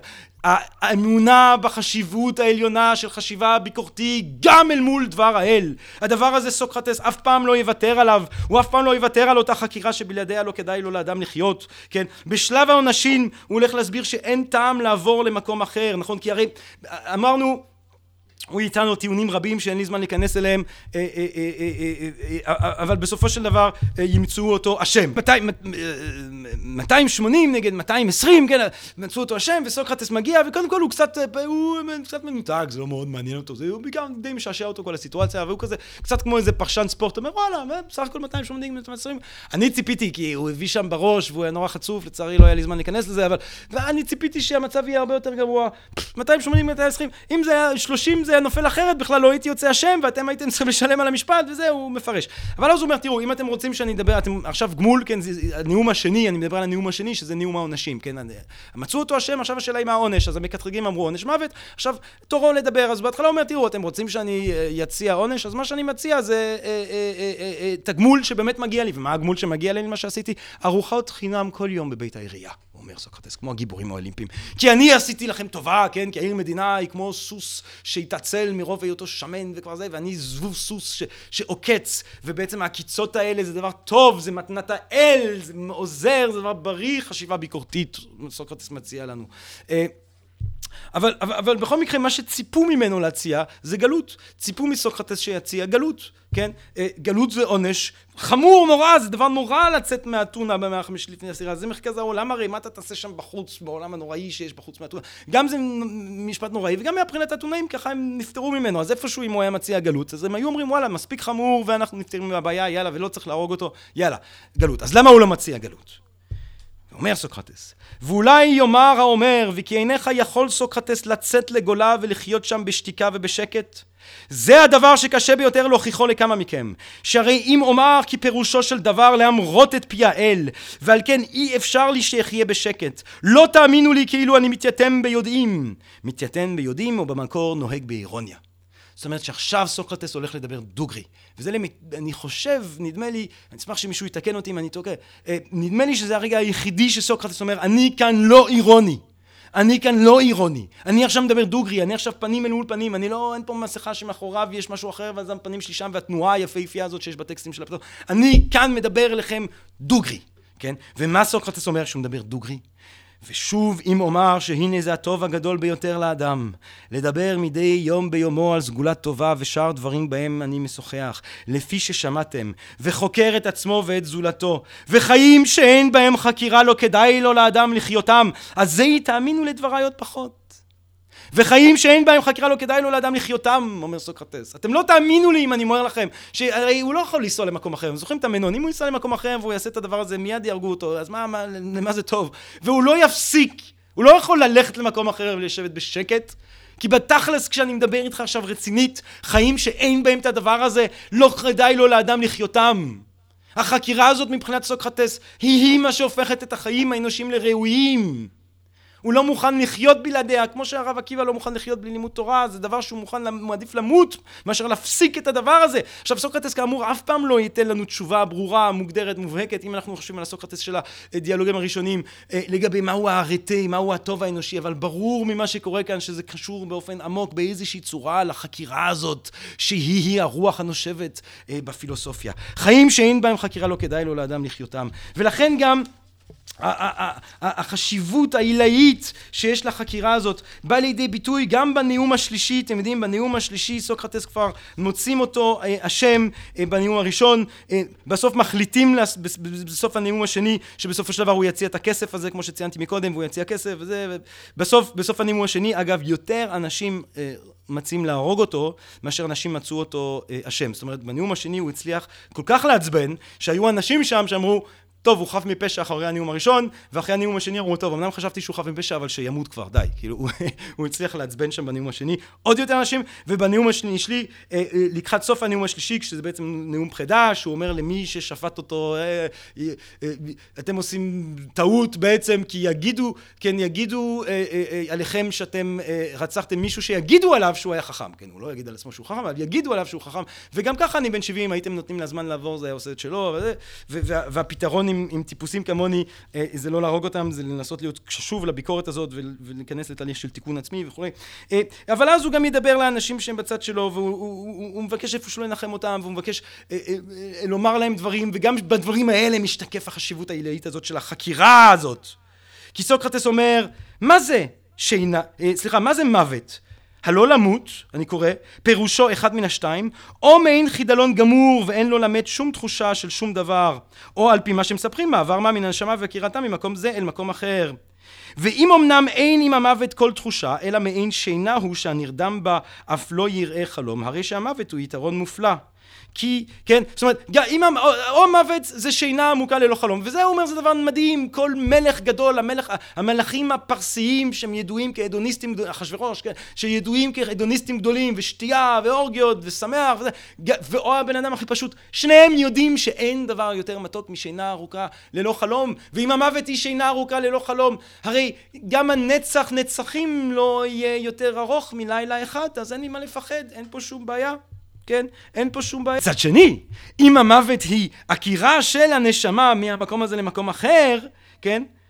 אז סוקרטס אומר, מיתות רבות נכון אני למות, הרי כדי להצטרף אל אורפיוס ומוזיוס והסיודוס והומרוס, כן? ואחר כך הוא יגיד את אקילס, אני אוכל להצטרף לכל הגיבורים האלה, ומה הוא מדמיין את עצמו עושה? אני אוכל לבחון אותם כמו שבחנתי אותם, אני אוכל להגיע לשם ולהגיד, אוי, אקיליס, הגדול, הגיבור, ש... ש... ש... שהוליך, כן? שפיקד, שהנהיג את היוונים במלחמת טרויה, כן? אני אוכל לשאול אותו מה זה צדק, אני אוכל לבחון אותו כמו שבחנתי אתכם, את הומרוס עצמו, כן? את מורפיוס, את אזיודוס, אני אוכל לשאול אותם מה זה מעדה טובה ולבחון אותם ולהמשיך. זאת אומרת ש... מבחינת סוקרטס גם הגן עדן הוא המשך של אותה חקירה שבלעדיה לא כדאי לו לאדם לחיות, כן? הגן עדן של סוקרטס הוא המשך של התהליך הדיאלקטי הזה, הוא המשך נצחי של הפילוסופיה, זה רק מראה לו שמבחינתו באמת אולי העניין הוא לא להגיע בכלל לאיזושהי תשובה, אלא להיות באופן מתמיד בהבהרה הפנימית הזאת, בחקירה הזאת. עצם החקירה הזאת היא-היא אולי מה שמזין את אותה אש אה, אה, אה, מתמיד, באופן מתמיד, מש, כן? יום אחרי יום אני ממשיך להזין את האש הזאת שדולקת בי, האש הזאת מהאיגרת השביעית של אפלטון, כן? הוא לא מדמיין את הגן עדן כמו כמצב סטטי שבו אני שוכב על כנפי שכינה, שוהה באיזשהו סוג של זוהר נצחי, או, אה, אה, אה, סטטי, זה המשך אותו תהליך, זאת אומרת, החקירה הזאת היא הטוב העליון בעולם הזה או בעולם הבא, אם יש, היא הטוב העליון נקודה, כן? ולכן גם הדבר האחרון שהוא מבקש, רגע לפני שהוא עוזב את המשפט הזה, רגע לפני שהאפולוגיה המדהימה הזאת אה, מסתיימת, הוא אומר דבר כזה: כשיתבגרו בניי, הנקמו מהם רבותיי, ותסבו להם אותו צער גופו שאסיבותי לכם. כשיראה לכם שהם שוקדים על בצע כסף, או על משהו אחר, קודם שישקדו על סגולה טובה. הוכיחו אותם על פניהם כפי שהוכחתי אתכם, על שאינם שקודים במה שצריך, ועל שהם חשובים בעיני עצמם שעה שאינם שווים ולא כלום. ואם כך תעשו, אקבל מידיכם גמול צדק, אני ובניי. אבל כבר הגיע השעה ללכת מכאן, אני למוות ואתם לחיות. ומי מאיתנו הולך לקראת עניין טוב יותר, אני או אתם, דבר זה מעולם מעיני כל זולת האלוהים. זאת אומרת, הדבר האחרון שסוקרטס מבקש לפני שהוא הולך למוות, כן, זה שיעשו לילדים היקרים שלו את מה שהוא עשה לאחרים. אה, שלא יחשבו את עצמם משהו בשעה שהם כלום, שלא יסתובבו בעולם בלי לבחון את עצמם ובלי להיפטר מאשליות לידע ומאשליות לגד, לגדלות שלא להם, כן. יש משהו פה שאנחנו שוב רואים עד כמה שהרוח הביקורתית הזאת, החשיבה החופשית, הביקורתית, החצופה, השימוש הזה בתבונה האנושית, עד כמה מבחינת סוקרטס הוא קריטי, ובדברים האלה, גבירותיי ורבותיי, ובדברים האלה כולם, סוקרטס מכונן את המסורת הפילוסופית. סוקרטס הופך להיות מה שנחשב לדמות אב לאותה מסורת פילוסופית מערבית. אי לכך ובהתאם לזאת, אני מקווה מאוד שנהניתם מהפודקאסט הזה שלנו היום. אני אשמח כמובן שתאזינו לפודקאסטים. הנוספים שלנו, ואני מברך אתכם בדרככם המקודשת בעולם הזה, למאזינות ולמאזינים היקרות והיקרים שלנו, שיהיה לכם, שתחשבו מחשבה, תחשבו מחשבה נשגבת ועליונה על סוקרטס ואפלטון היקרים, ושיהיה לכם כל טוב, ואני מקווה מאוד שנשתמע בקרוב מאוד. תודה רבה, ולהתחאות. Podcast. Podcast. Podcast.